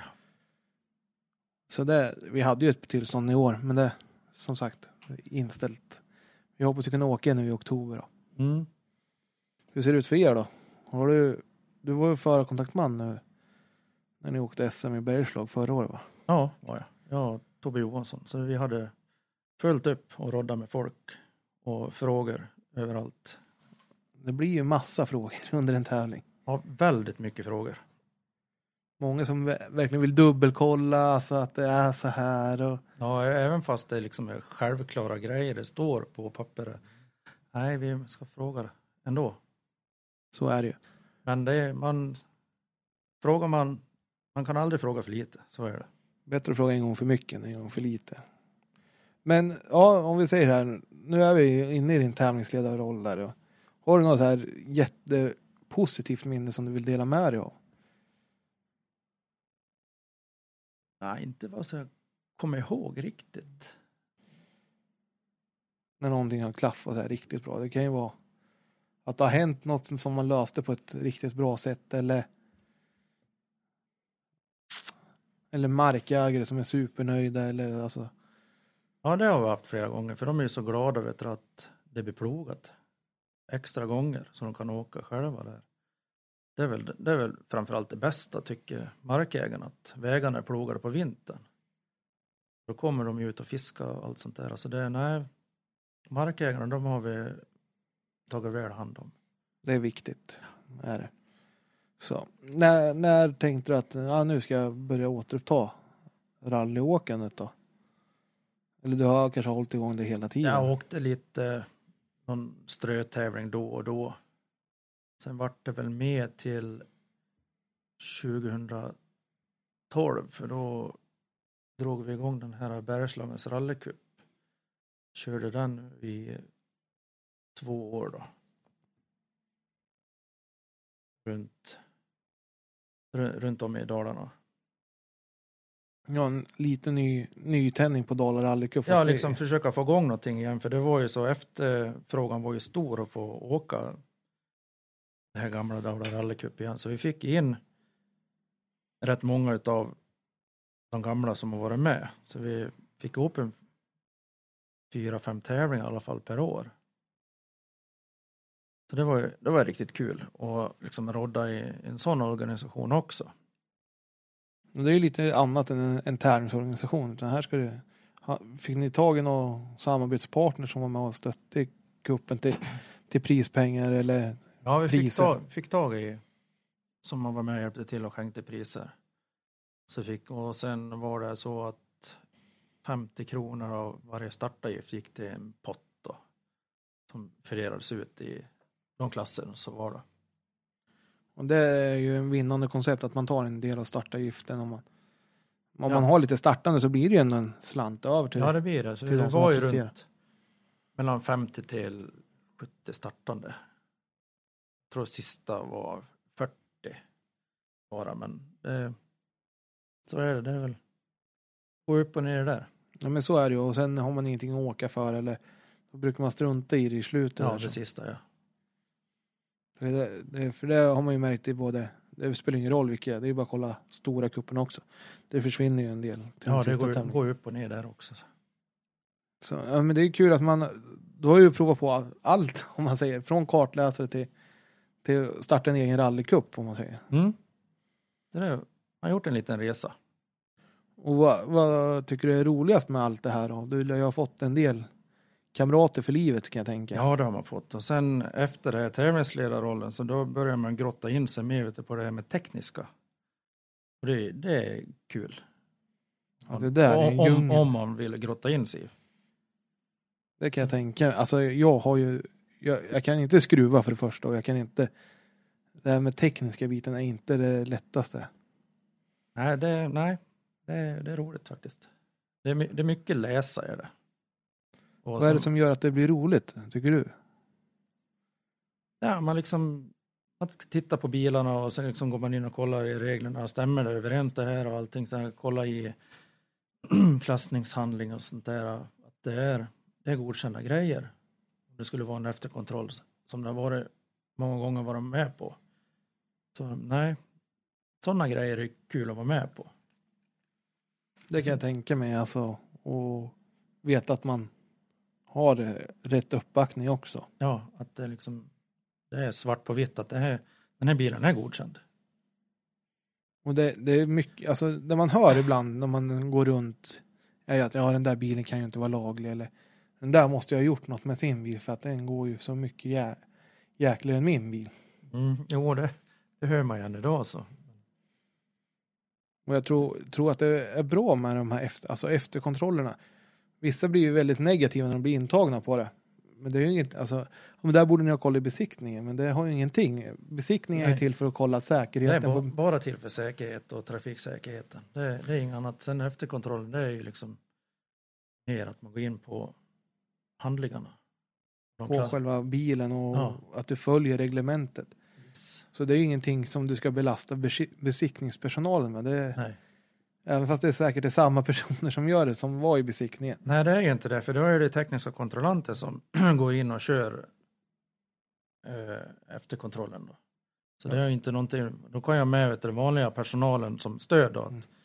hjälpa till. Och, men annars är det oftast tekniken som Och, utför allting. och det är ju det. Och det är, ofta så bestäms ju det här vid starten av tävlingen att de Ja. här bilarna ska vi kontrollera. Ja, Lämna sitt obrutet kuvert tills tävlingen är över. ja det, är, det är redan bestämt innan. Så det, Så man kan inte komma och säga "Nej, jag blir alltid utvald för att det är alltid mig ni ska kontrollera. Ja. I sådana fall är det ju att du hamnar på det. Ofta så, när, när jag vet så har det ju varit att man har skrivit ah, de här placeringarna i den här klassen ska kontrolleras idag. mm, jo, så är det. Jag vet inte hur du har upplevt det. Nej, det får ju tekniska kontrollanten sköta. Det har man ju liksom möte innan att ja, men det här, vill du kontrollera det här så får du göra det, det är upp till dig. Exakt. Och då lämnar man det till slutmålet. Att, eh, ja, den här bilen ska på efterkontroll. Så är det ju. Så. Men nu, nu, vart är vi nu i årtal? Nu har jag tappat bort mig här helt och hållet. Eh, 12, 12. 12 är vi. Och då var då kuppen startade. Då startar kuppen. Sen Ja. kördes den i två år sa du. Två år kördes den. Var det både grus och, och snö eller var det Alla tre, tror jag det var. alla tre? Ja. Grus. Snö, asfalt. Ja. Jag tror jag för mig att det var en bland... Jo, det var blandat. Allting. Så vi fick med hela svepet. Det är ju bra det. Alltså, det, är, det är inte många serier som har med allting om man säger. Nej, så man är, vi bor ju så pass bra till så det, vi har ju det mesta. Ja, ni, ni är det här landet. Har, har ju ofta snö. Ja, men, det, men i år så var det mycket grus. Nej, var det det? Ja, Det här året tror jag är det sämsta rallyåret ever någonsin. nej, inte för du åker typ 17 mil ovanför mig till Lima. Det, nej, där, där finns det alltid snö. Ja, men så är det ju. Men överlag med vintertävlingar, det var ju till och med så att de uppåt Ja. norr fick Ja, fundera det var, på. nej, det var riktigt kris i år. Så. Men det har ju fortsatt hela året, så det här med att det inte ska åkas några rally i år. Så. Jag har inte gjort något i alla fall. Så. så. Men om vi går tillbaka då. Hur sammanfattar du dina år som cupgeneral, eller vad man ska säga, med Bergslagsrallycupen där? Det, var, det var kul, var det. Men eh, slutet av 13 så var det väl att man ville ha lite mer hjälp än att bara dra runt det själv. Men liksom det fanns, fanns mycket viljor men inget intresse intressen när man skulle liksom komma till skott. Så då, nej, så då tyckte jag varför ska jag dra runt det själv för hela tiden? Så det, nej då, då la vi ner den. Ett år i alla fall, hade tänkt ta ett sabbatsår men den ligger ner än så. Ja, men det blir ju så när man inte får den hjälp. Alltså mång, många kan prata, men det, när det väl ska till handling så dyker de inte upp eller gör inte det de har det åtagit sig liksom- heller. Nej precis, det är liksom, det är jättetråkigt. Och det, alltså jag tror inte att det är för att man vill vara taskig, utan det är för att man inte vet riktigt vad det innebär och, och dra det fullt ut om man säger. Nej, kanske är så. Men ja, det, är- det är en hel del jobb i alla fall. Så Dra- är det. Och, Dra runt med alla klubbar som vill vara med, att alla är överens vet du, med reglementen och det ska vara träffar hit och dit och som, som man kommer överens. Så det, nej, mycket jobb är det. Det kan jag tänka mig och sen att man vill ha fungerande klubbar som hjälp, hjälps åt i, i organisationen också. Och sen, nej, jag känner, känner inte att jag hade rätt tid heller, för då när vi är inne på 12, då har jag fått två barn också under den tiden. Ja, då, Så- så de tar ju tid kan jag tänka mig. Ja, så, så grabbarna är född 08 och Agnes eh, 10. Så då är fyra och tvååringar den tiden. Och dra runt en kupp och åka själv och vara med och arrangera i hemmaklubben. Nej, jag kände det var för mycket så det är liksom nej, nu prioriterar vi lite här. Det gör man rätt i. Men Man måste få tänka på sig själv ibland. Man kan inte tänka på att alla andra ska ha kul. Nej, så. Verkligen. Så vad, vad tänkte du då? Blev det mer fokus på familjen då? Mer fokus på familjen och sen mindre att vara med och hjälpa till i, i klubben. Men ändå vara med och hjälpa till i bakgrunden men inte stå som huvudansvarig då. Nej. Plus att jag ville ju åka tävling själv. Hade du kvar kadetten då eller? Då var kadetten kvar. Vi vinner kuppen två år i rad där. Sen eh, se. Det är nog på hösten, 12 där. Då, hoppade... hoppa kom jag på en grej bara, ja men vi ska åka i Hofors igen. Det jag gjorde slut på kadetten innan. Det var nio år innan vi gjorde slut. Så eh, får med mig Ola Persson i högerstolen. så vi åker väl på där då. Sträcka ett och sträcka två. Så vi är, tror vi var åtta sekunder efter Söderqvist. Sen har vi sista sträckan, Malmjärn, kvar då. Så jag har väl tre kilometer kvar. Kom in en högerkrok och fjäderbenet fram rätt av så vi får en visit ute i skogen. Hur vart den visiten då? Jo, jag fick byta halva sidan på kadetten. Tog han ett trä eller? Ja, det vart ett trä. Jag har förkärlek till träd. Ja, du har det. Mm. De brukar vara hårda. Så länge de inte klättrar för långt in i bilen så. Ja. Nej, men det är all, alltså du, det var en höger sist också du åkte av i. Där uppe i Hofors. Ja, Ja, högersvängar och Hofors är inget bra för mig. nej. Du ger fan i att åka Hofors. I, Ja. I kadetter i alla fall. Mm. Sen till 13 så har vi fått ihop bilen igen och då introducerar de det här sprint första gången. I SM-veckan. Ja, just det. Ja, i Falun va? Yes, så där lyckas vi komma med. Och inte hade jag varit ute och jagat några sponsorer eller någonting. Vet du. Så jag hade ju några gamla sletna däck. Det var ju knappt så det fanns dubb i dem. Så då kom ju Ola hem, tittade på däcket. Ska du verkligen åka på det däcken? Ja, det är inget fel på det där. Kan inte åka på tandlösa dubbhjul. Fattar du väl? Jo. Nej, då åker inte jag med mig. Nej, så han och en till drog iväg. Fick tag i fyra däck på kvällen innan vi ska åka dit. Iväg och färdiga om allting. Ja, vad skulle det vara bra för? Det kommer inte gå något bättre med de däcken. Ja, så vi åker väl till Falun. Och gör ett jäkla bra resultat egentligen med tanke på hur många det var som startade i tvåhjulsdrivet. Det var 40 stycken som startade. Och vi står som nionde plats när det är klart. Och så du fick till och med vara med i tv-sändningen. Ja. Till och med med gammal bil och gammal förare som Kruse sa. Ja, du var ju inte så jäkla gammal då. Nej, då var jag inte gammal. En tanke som slog mig nu, du gjorde ju rätt så bra ifrån det med skitdäck på Evon var då. Ja, Du Det- kanske skulle kört så hade det blivit ännu bättre. jag tänkte nej. Tyckte det, det är dåligt med effekt var det i kadetten och nej, han var ju precis, eller han, jo han var precis som en Appendix K-bil är idag. Mot riktiga Golf 4 kitcar och Golf 3 Coroller. Ja, allt sånt där. då. Och nya moderna R2 liksom, det var ju liksom, Ja, de började Nej. komma där. ja, det var ju inte en suck att vara med. Och sen lyckas komma till final och bli nia, det, nej, det var fantastiskt. Ja, det kan jag tänka mig. Så då liksom, Ola måste ha varit nöjd med sina däcksval också. ja det måste han vara. Vi, vi har en sväng, vet du, vi, vi kommer ihåg så jäkla väl. Det går absolut, det går inte att plåga en kadetten nå mer. Kommer en lång raka, sen är det över två, ett krön och och går ner en svacka, det svänger höger, sen blir det en vänsterkombination. Du vet, jag gick på varvstopp hela tiden. Jag tror vi hade skrivit att det var höger fyra till vänster fem och vi går liksom in varvstopp, allt vad vi orkar liksom. Både han och jag tror det här går aldrig. Men på något vis så kom vi igenom där. Det, nej, det är ett riktigt starkt minne därifrån. Finns det att se på film på Youtube eller någonting? Nej, det stod folk där, men det är ingenting som har lagts ut. Du har ingen inkar därifrån heller? Nej, vi fick inte ha det för Jaha. S- SVT då. Så det, nej, det var riktigt synd att det inte finns med. Det är sånt som är så himla fränt att se när man inte själv är passagerare i bilen. Eller är på plats. Ja, nej, så då fick man plåga ur den där kadetten riktigt.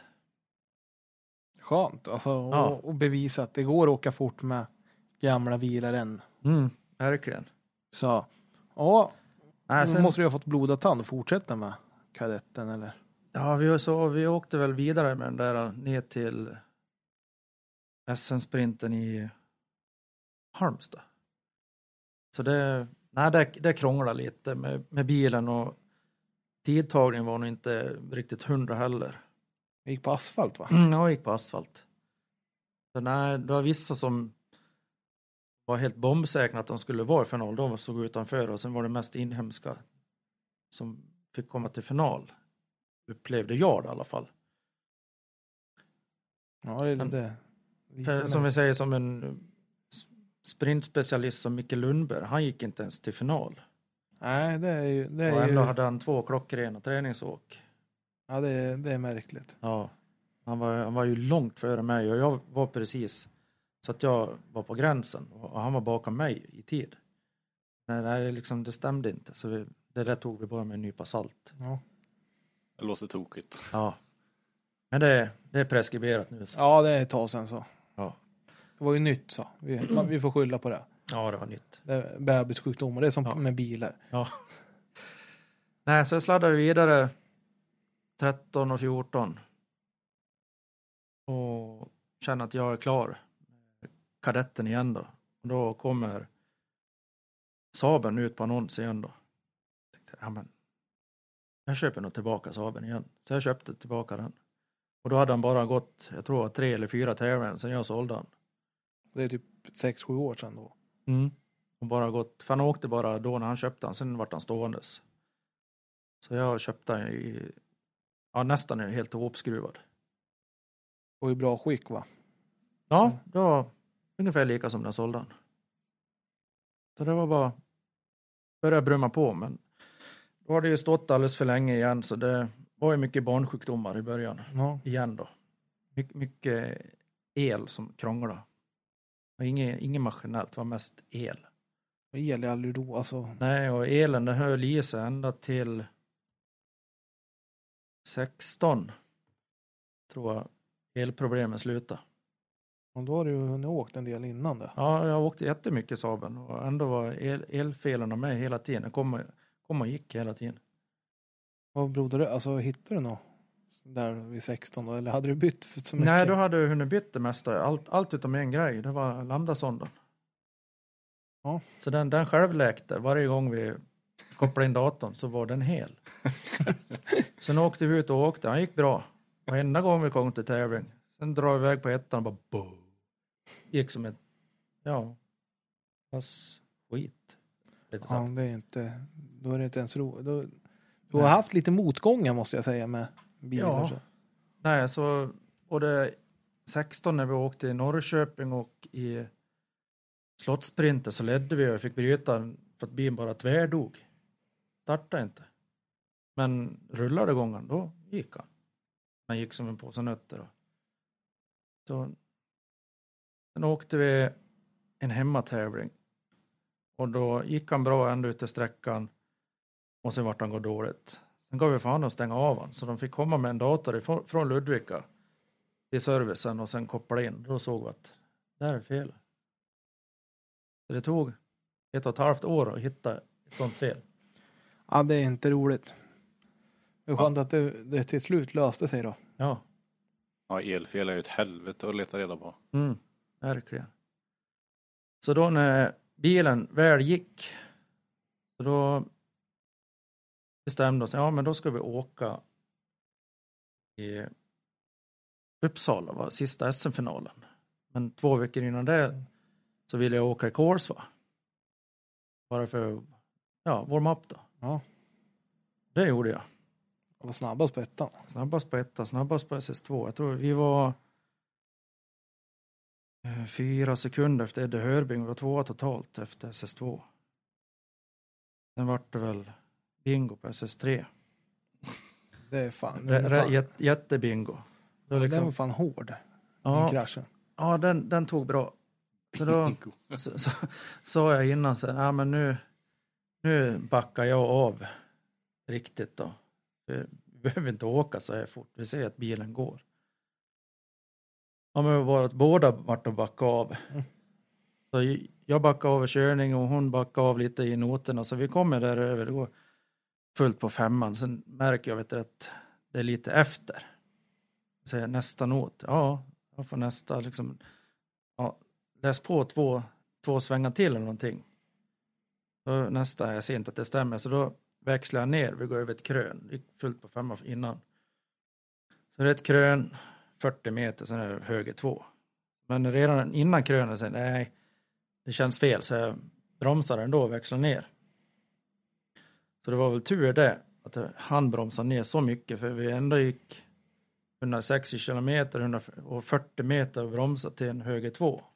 Det, nej, det var bara att slå ner och sen försöka. Jag tänkte, ska jag ta det rakt eller ska jag svänga? Nej, jag svänger det, för det är alltid dyra sitter ju fram, vill inte ta det, ta det där. Så vi, jag provade och det gick halva svängen, sen hoppade du spår och drog i trä precis bakom förarstolen. Ja, då blev det, blev det karossen. Då vart det kaross och bra smäll i mig. Jag vart ju förlamad i benen i två dagar. Fy fan. Slog, Oh. har ett gammalt diskbråck som slog till vet du, och ut i nerverna i benen. Så det, nej, det var ingen bra smäll. Nej, då är, då är det inte roligt när man inte vet att man ska bli återställd heller. Nej, men liksom, ha, hur är det med henne? Jo, men hon har klarat sig bra. Och sen, jaha, det där kronan och öronen som bara totalt försvann. Sen, just ja, jag också. Äh, och sen små barn hemma och, och det komiskaste det var att grabben, han bröt armen dagen innan vi skulle åka tävla också. Det liksom var så här små grejer hela tiden liksom, som kanske gjorde att vi inte skulle ha åkt. Nej, koncentrationen kanske inte... Ja, du, du var koncentrerad en stund. Och sen, Ja, sen blev nej. Det är, det. man ska aldrig tappa fokus. Man ska åka på i sitt tempo. Ja, man skulle ha åkt på, vet du det. Fullt ändå som man, planen var då. Men eh, ja, fick släppa hem det där liket till bil i alla fall. Ja, så jag, Skruva igen. så jag började väl kunna gå på på måndagskvällen började jag kunna gå igen. Så på tisdagen fick jag åka hem. Så morsan fick åka ner och hämta mig i Örebro. Vi pratade om allting, vet du vi skulle göra med rubbet, skulle sluta eller åka vidare, tänka på mig. Så vi kommer inte fram till något beslut där. Sen svänger vi in på gården hemma, tar det kryckorna, börjar stappla fram till rallybilen som står under presenning. Tittar hur det ser ut. Ja, dum som man är så är man väl in och vred på huvudströmmen prova att starta. Det gjorde han. Ja men det är lugnt, det är dyra helt sa jag bara, så gick jag in. Fast det dyraste är ju du i det läget. Ja, nej, man var, man var knäpp då egentligen. Och då hade du ändå familjen att tänka på. Ja också. visst, nej, det var först om jag inte gå in och säga hej, nej, gick till rallybilen och kollade på den. Och sen liksom, ja nu kan jag släppa den, nu kan jag gå in. Då är man lite skadad. Ja, då är man extremt skadad. Då, då kommer du aldrig bli av med det här heller. Nej, risken är stor att man inte blir det. Men när vi, då då, när du kom in och sa hej till familjen, hur var deras reaktion? Ja, de var ju glada att man kom hem och var, kunde i alla fall gå skapligt. Då gick ni, hade ni, du bröt inget eller? Nej, det var bara mjukdelar i kroppen och runt diskbrocket som hade fått en törn. Annars så var det ju ingenting. Skönt det i alla fall att det, Ja, kroppen kunde reparera sig själv om man säger. Men, ja, men det, man känner av det ibland i ryggen när man åker. Men det, man får inte tänka så mycket. Nej, det är där man, man ska inte tänka när man åker. så. Nej. Men eh, ja, då kan jag tänka mig rulla av bilen och kärran och börja, blev det karossbyte? Ja, det vart karossbyte. Rejält karossbyte, för det var bara sopor kvar. Så då har jag inte ens hunnit börja med bilen, ligga i soffan hemma. Och bara scrolla på telefonen. Då kommer det två meddelanden. Då var det en som skickade, ja vill du köpa den här bilen som donator? Jo, det kan jag väl. Ja, då fick jag en sponsor som köpte en bil. Och sen eh, den andra som skrev, han hade en färdig kaross med bur i. Så den var väg ner till Stockholmshållet och köpte. Då spar man en helt del tid mot att riva en vanlig personbil och börja på. Så det var ju bara stort sett att svetsa klart buren och lappa igen alla hål i golven.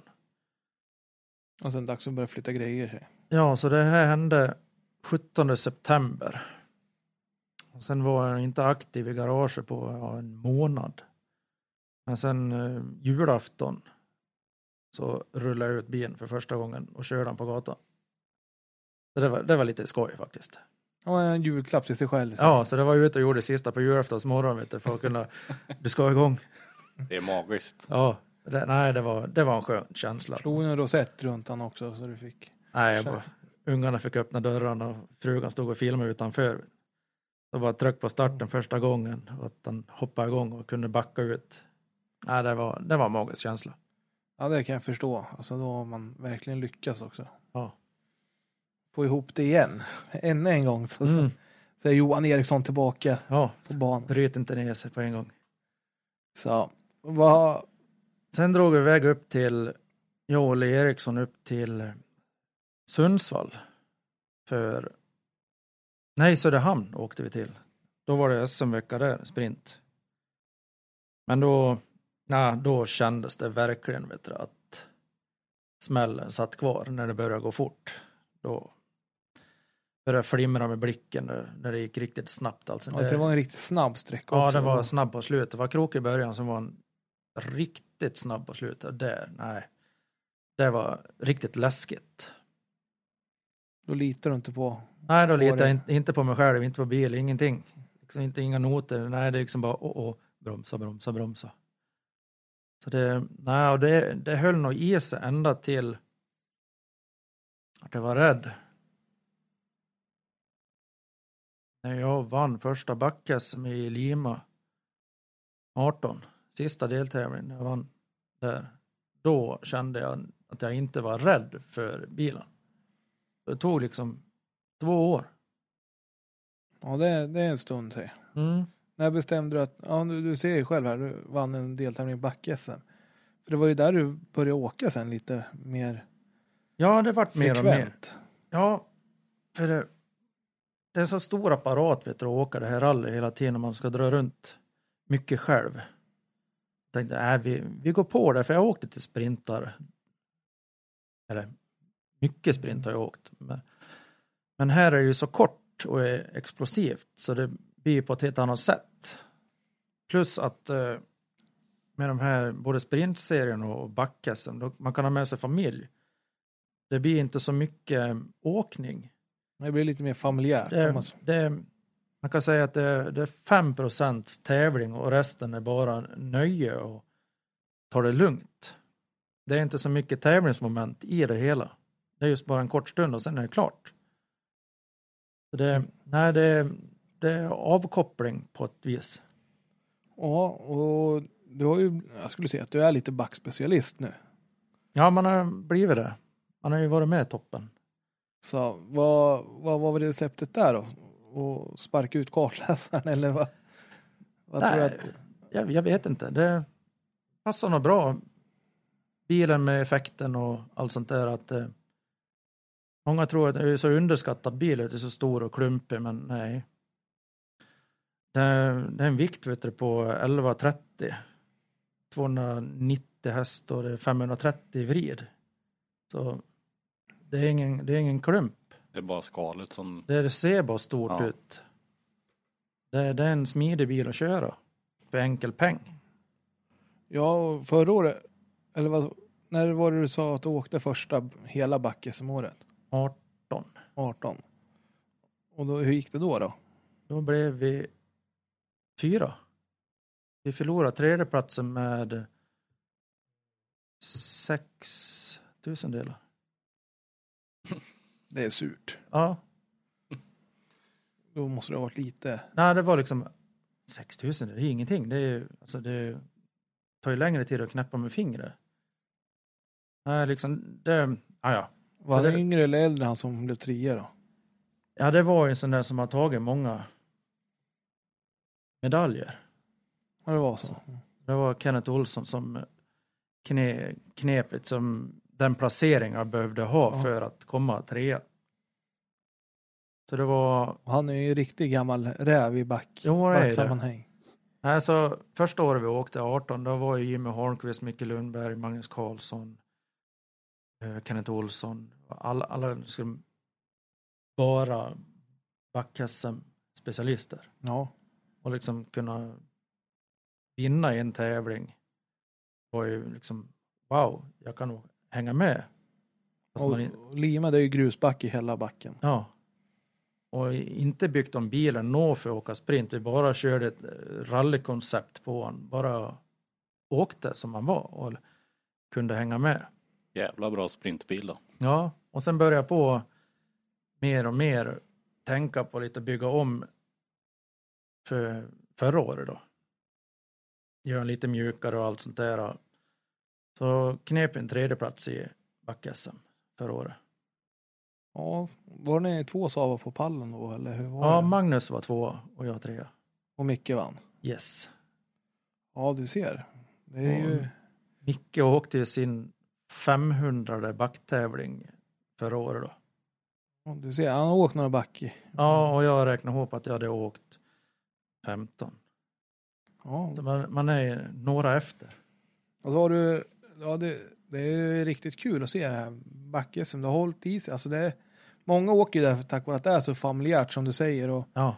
och det är en stor familj som åker back-SM. Jo, och sen oftast blir det så, är det någon som har problem så går man ju och hjälper till så att man kommer till start. För det är ju där ute det ska avgöras. Exakt, och jag tycker, alltså, och det här med svenska sprintserien också, det är, det är så kul att se att det, det är ju rally och rallycross på, på lite enklare nivå om också, om man säger så. Ja, det är inte, det är bara blodigt allvar just när man åker, men annars det liksom, då är alla på samma bana. Ja, och det är väl där vi får väl se. Alltså i år blev det ju ingen back-SM tack vare coronan och det här. Nej, det vart i stöpet helt. Men Svenska sprintserien har ju rullat igång nu i alla fall. Så det, det har ju åkts Det har gått, fyra deltävlingar. Ja. Nu blir det femte, sjätte nu. Då. Och det är väl fyra till planerade va? Bollnäs och Laxå va? ja, stämmer. Ja, vad gjorde du? Alltså, man får gratulera till en tredje plats i Ja, back-SM där. Tack, tack. Var det första SM-medaljen du tog Det var någonsin? första medaljen någonsin. Ja, och då var det ju tanken att åka, som sagt, back-SM Ja. med. Ja, det var planen att åka backa som det här året. Så jag tänkte, nej, förra året då åkte jag inte en meter på vintern. Och det fanns ju ingenting att åka här. Nej, men då, vi drar till Norge och åker. Så vi drog över till Norge och åkte först en, en sprint. Det stod att det var en sprint. Men den var fyra och en halv mil. Ja, det var sprint för dem. Lagom sprint. Ja, så det, det kom vi igång. Vi, jag tror vi vart sjuan och sånt där. Tänkte vi var, var nöjd med det. Sen var vi över till Norge igen till Numedalsrallyt. Och det är jävla bra känsla, allting i bilen, nya däck, allt sånt. Men tiderna kom inte. Det är liksom tog i för kung och fosterland. Ändå var vi tio sekunder efter på fem kilometer. Jag tänkte, vad, är det för fel? Så då började vi grotta in oss lite mer på stötemperier. Och det slutade med att det vart nya urlinsben fram på nu till det här året. Sen byggde vi om det vi hade bak. Vilket gav resultat förra, förra helgen när vi åkte i, i Karlstad. Två på lördagen och tre på söndagen. Mot de här backrävarna igen då. Lundberg och Ja, Sundell. nej, det, det, var ju, alltså, det var ju första tävlingen på grus i år. Ja. Man säger. Jag hade inte, jag hade varit ute en snabb sväng och provat bilen bara. Det, det känns mycket bättre bara. Tidigare för han, han drog och bromsade och styrde mycket bättre än förut då. Så då, nej, vi åker dit på, bara prova, bara se. Men du hade ju likadana problem som Mercedes har haft nu på Silverstone med däck, däcken som... Att det sliter för mycket däck. ja. Jag som aldrig har... Ja. När jag var back-SM var var uppe i Östersund, då körde jag sönder två däck. Men då gick de sönder på söndagen. Då var jag åkt hela lördagen på dem. Och nu en, i Karlstad, då körde jag slut på åtta däck. Men nu greppar ju bilen i backen istället. Annars är det ju legat uppe på. Och liksom åka sprint med Saben, den, den har inte funkat det där, åka bana. Den har mest varit bra för backen, men sprint har liksom, ja. Men nu gick det att hänga med på sprint. Det, det går att utveckla en, en gris också. Ja, så är det Men det är ju inte rätt. nej, Om du frågar de flesta. nej, visst, sån där bil kan man inte ha. Det, nej, jo, säger jag. Det kan man. Du har ju bevisat att det går att åka fort med dem. Ja, verkligen. Så. Och nej, men det är ju riktigt kul och hoppas det kommer igång här så du får visa att du kommer, jag tror, jag tror på dig faktiskt här framöver med, med Saben. Ja, den är inte dum än, inte. Den, och bara någon annan håller ihop så då ska det nog gå bra. Ja, och vi får väl se till helgen. Kommer första sprintsegern här då? Förhoppningsvis, ja. Och då så titta in kar nu och sådär. Så du, du hade aldrig åkt i Nyköping sa du? Nej, men man får väl gå innan. Nej, den är stängd. Nej, det går bra. Det blir som att åka onotat. Ja, det, det är inga problem. Vi har, vi har ju ett träningsår också. Ja, det är så är det. Nej då, det är klart du ska få gå banan. Ja, nej det, nej, det kommer nog gå bra. Man får väl hem och titta lite på kvällarna här hur Ja. det ser ut. Så är det ju. Tjuvträna. Ja, det må, man måste ju utnyttja alla medel som Ja, finns. visst. Så, men eh, då skickar jag över bollen till Daniel här som kommer med sina avslutande frågor här. Ja, Mm. Eh, bästa skogsminne? ja det är i SM-sprinten, Falun. Det jag förstår helt och Den, den hållet. är absolut bäst. Och värsta skogsminne det måste ju varit Du har gjort ett par smällar i skogen. Ja, det är 2016 i Kolsva, ja, den smällen. ja, det förstår nog alla som har lyssnat här. Och som har följt dig innan. Garagetabbar måste du ha en del. Du har ju lagt många timmar. Jag tänker när man är trött så gör man ju lite dumma grejer. Nej, ja.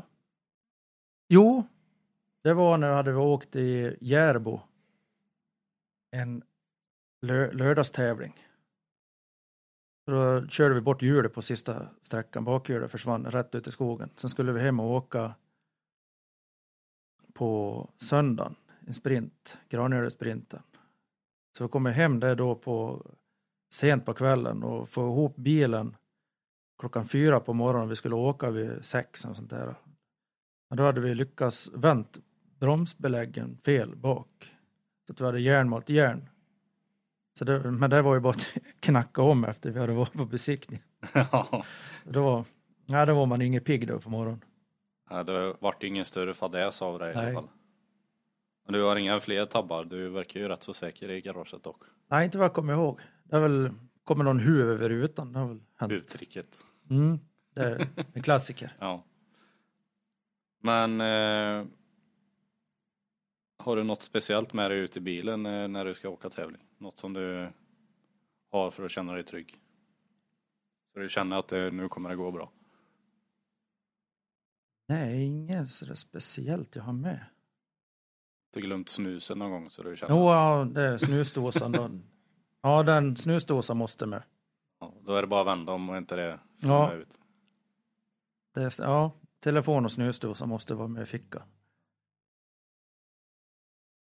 Eh, notmiss. Har du varit med om någon sån? Eller läst själv? Du har ju åkt eh, kartis och Ja, läst fel har man gjort. varit med om någon Ja, inte så att vi har åkt av, men när man var väl sen någon gång. Men fått not, noter sent har man ju varit med om, men aldrig att det varit läst fel. Man har fått det. Det är bara en gång det var det riktigt sent, det var den där riktiga smällen, men annars mycket vinter, då var det rejäla vallningar. gått många bakstötar då? Ja, det är tur att Saab tillverkar mycket plast i alla Ja. fall. Men eh, ja, nu var ju frågorna slut här men du hade väl gjort någon eh, Finlands tripp med eller? Ja, vi var Som över vi missade. Ja, stämmer. Så vi var ju över till Finland i maj förra året. Vilket var helt, helt fantastiskt. En jävla omställning på vägar kan jag tänka mig. Ja, brett och fint var det överallt och all personal, all publik liksom, det var helt annorlunda. Sen framförallt när vi kom fram till första sträckan. För då åkte Annie Sil med mig. Och eh, hon har varit där och åkt förut också så vi kommer dit, första tekon. Vart är tekopersonalen? Det fanns ingen, stod bara en meter och höll i vid mållinjen, eller startlinjen. Och vi är ner och frågar på hon kunde knackig finska, så vart det väl engelska. Nej, ni behöver inte skriva några tider. Nej, hur funkar det då? Nej, det har de redan skrivit in och sitter i bilen där och knackar in. Ja, ja, inget mer med det. Drar iväg och åker sträckan, sen kommer fram till mål. Det var samma där, de stod bara en med en köp. Men ska inte ni skriva på någonting? Nej, nej, nej. Det ligger redan ute vet du, på nätet. Så vi, så vi fick själva fylla i vad vi skulle ha för starttid på tidkortet. Annars så skötte de alla tider och sånt eh, via paddor och sånt, så de sparade personal. Så det, det var det största vi märkte att vi kan förbättra oss här med elektroniska grejer för att spara personal då. Men sen kom vi bara till SS2, då har det varit ett missljud i växellådan. Jag tänkte nej, det är inte värt att åka vidare så vi, vi åkte mot servicen och vart det värre och värre och värre och värre. Så det var väl tur att vi inte åkte vidare för jag är den första som har lyckats spräcka vet du, ett kronhjul på en traktiv. Oj. Så det, Jag har en merit där också. Du har lite meriter med så här trasiga delar måste jag Ja. säga. Har du sparat alla? Ja. Jag har alla växellådsdrev kvar som har gått sönder. Kan du ju göra en hel... Och alla trasiga stötdämpare, jag har allt sparat. Borde du ha ett, nästan ett helt garage då nästan? Ja, det är en stor låda. Det, kan jag tänka mig. Man brukar gå och titta i den där och fy fan vad det här kostar pengar. Ja. Men, Men eh, men vad mycket minnen där. det är skönt att ha och kolla tillbaka till vad man har gått igenom. Ja, Vad man Verkligen. har lyckats ta sig Verkligen. igenom. Jag tycker ju, har man möjlighet att åka till Finland bara som publik så kan man ju åka dit och se vilken annan nivå de har på både vägar och tävlande tycker jag. ja vägarna det var helt fantastiskt att åka på. Så dit vill man gärna åka igen. Ja, de är väldigt eh, eh, bra bemötande också kan jag tänka mig. Ja, det, det första som hände det var att vi fick komma in i ett stort köpcenter. Så det var jag och eh, Albin Nord. Så vi kom in i det köpcentret, de hade presentationer och allting. De hade tävlingar i rallyspel. Sen en stor simulator. Som vi fick köra och nej, det var helt fantastiskt. Framförallt att de stängde av ett köpcentret. Här ska vara rally. Och rallybilarna ska in, ja inga problem. Det var bara att släpa in rallybilar i mitt i ett stort köpcenter. Ja, rally i Finland är ju väldigt stort om man jämför Ja, det med är Sverige. hockey och sen är det skidor och rally. Ja, det märker man ju verkligen. Alltså det var, det var riktigt häftigt. Det kan jag förstå. Och vi måste ju bli bättre på sånt här i Sverige. För då, alltså jag tror att vi kan. Alltså vi kan kanske inte komma upp i samma nivå som i Finland. Men det finns mycket enkla knep att ta till för att nå ut till den breda befolkningen. Ja, framförallt det här med paddorna och att man kan få ner TK-personal. Ja, och likadant där med att synas. och Åka in i ett köpcentrum. Men i alla fall Ja, ta det till städerna. Istället för att hålla till ute i någon skola någonstans där knappt någon hittar den. ja framförallt ta det, ta det där man syns. Att det här håller vi på med. Så. Men Johan, stort tack att du ville komma hit på en väldigt fin dag. Ja, tack Vad är det, ska du ha. 28 grader ute så vi får väl Ja. åka och kasta oss i plurret nu. Ja, det skulle inte vara helt fel. Så. Men vi är snart tillbaka och hoppas ni gillar det här. Så in och gilla oss på Facebook på Rallypodden och följ oss på Instagram. Så får ni ha en fortsatt trevlig sommar. Tackar Johan, hej hej. Tack, tack.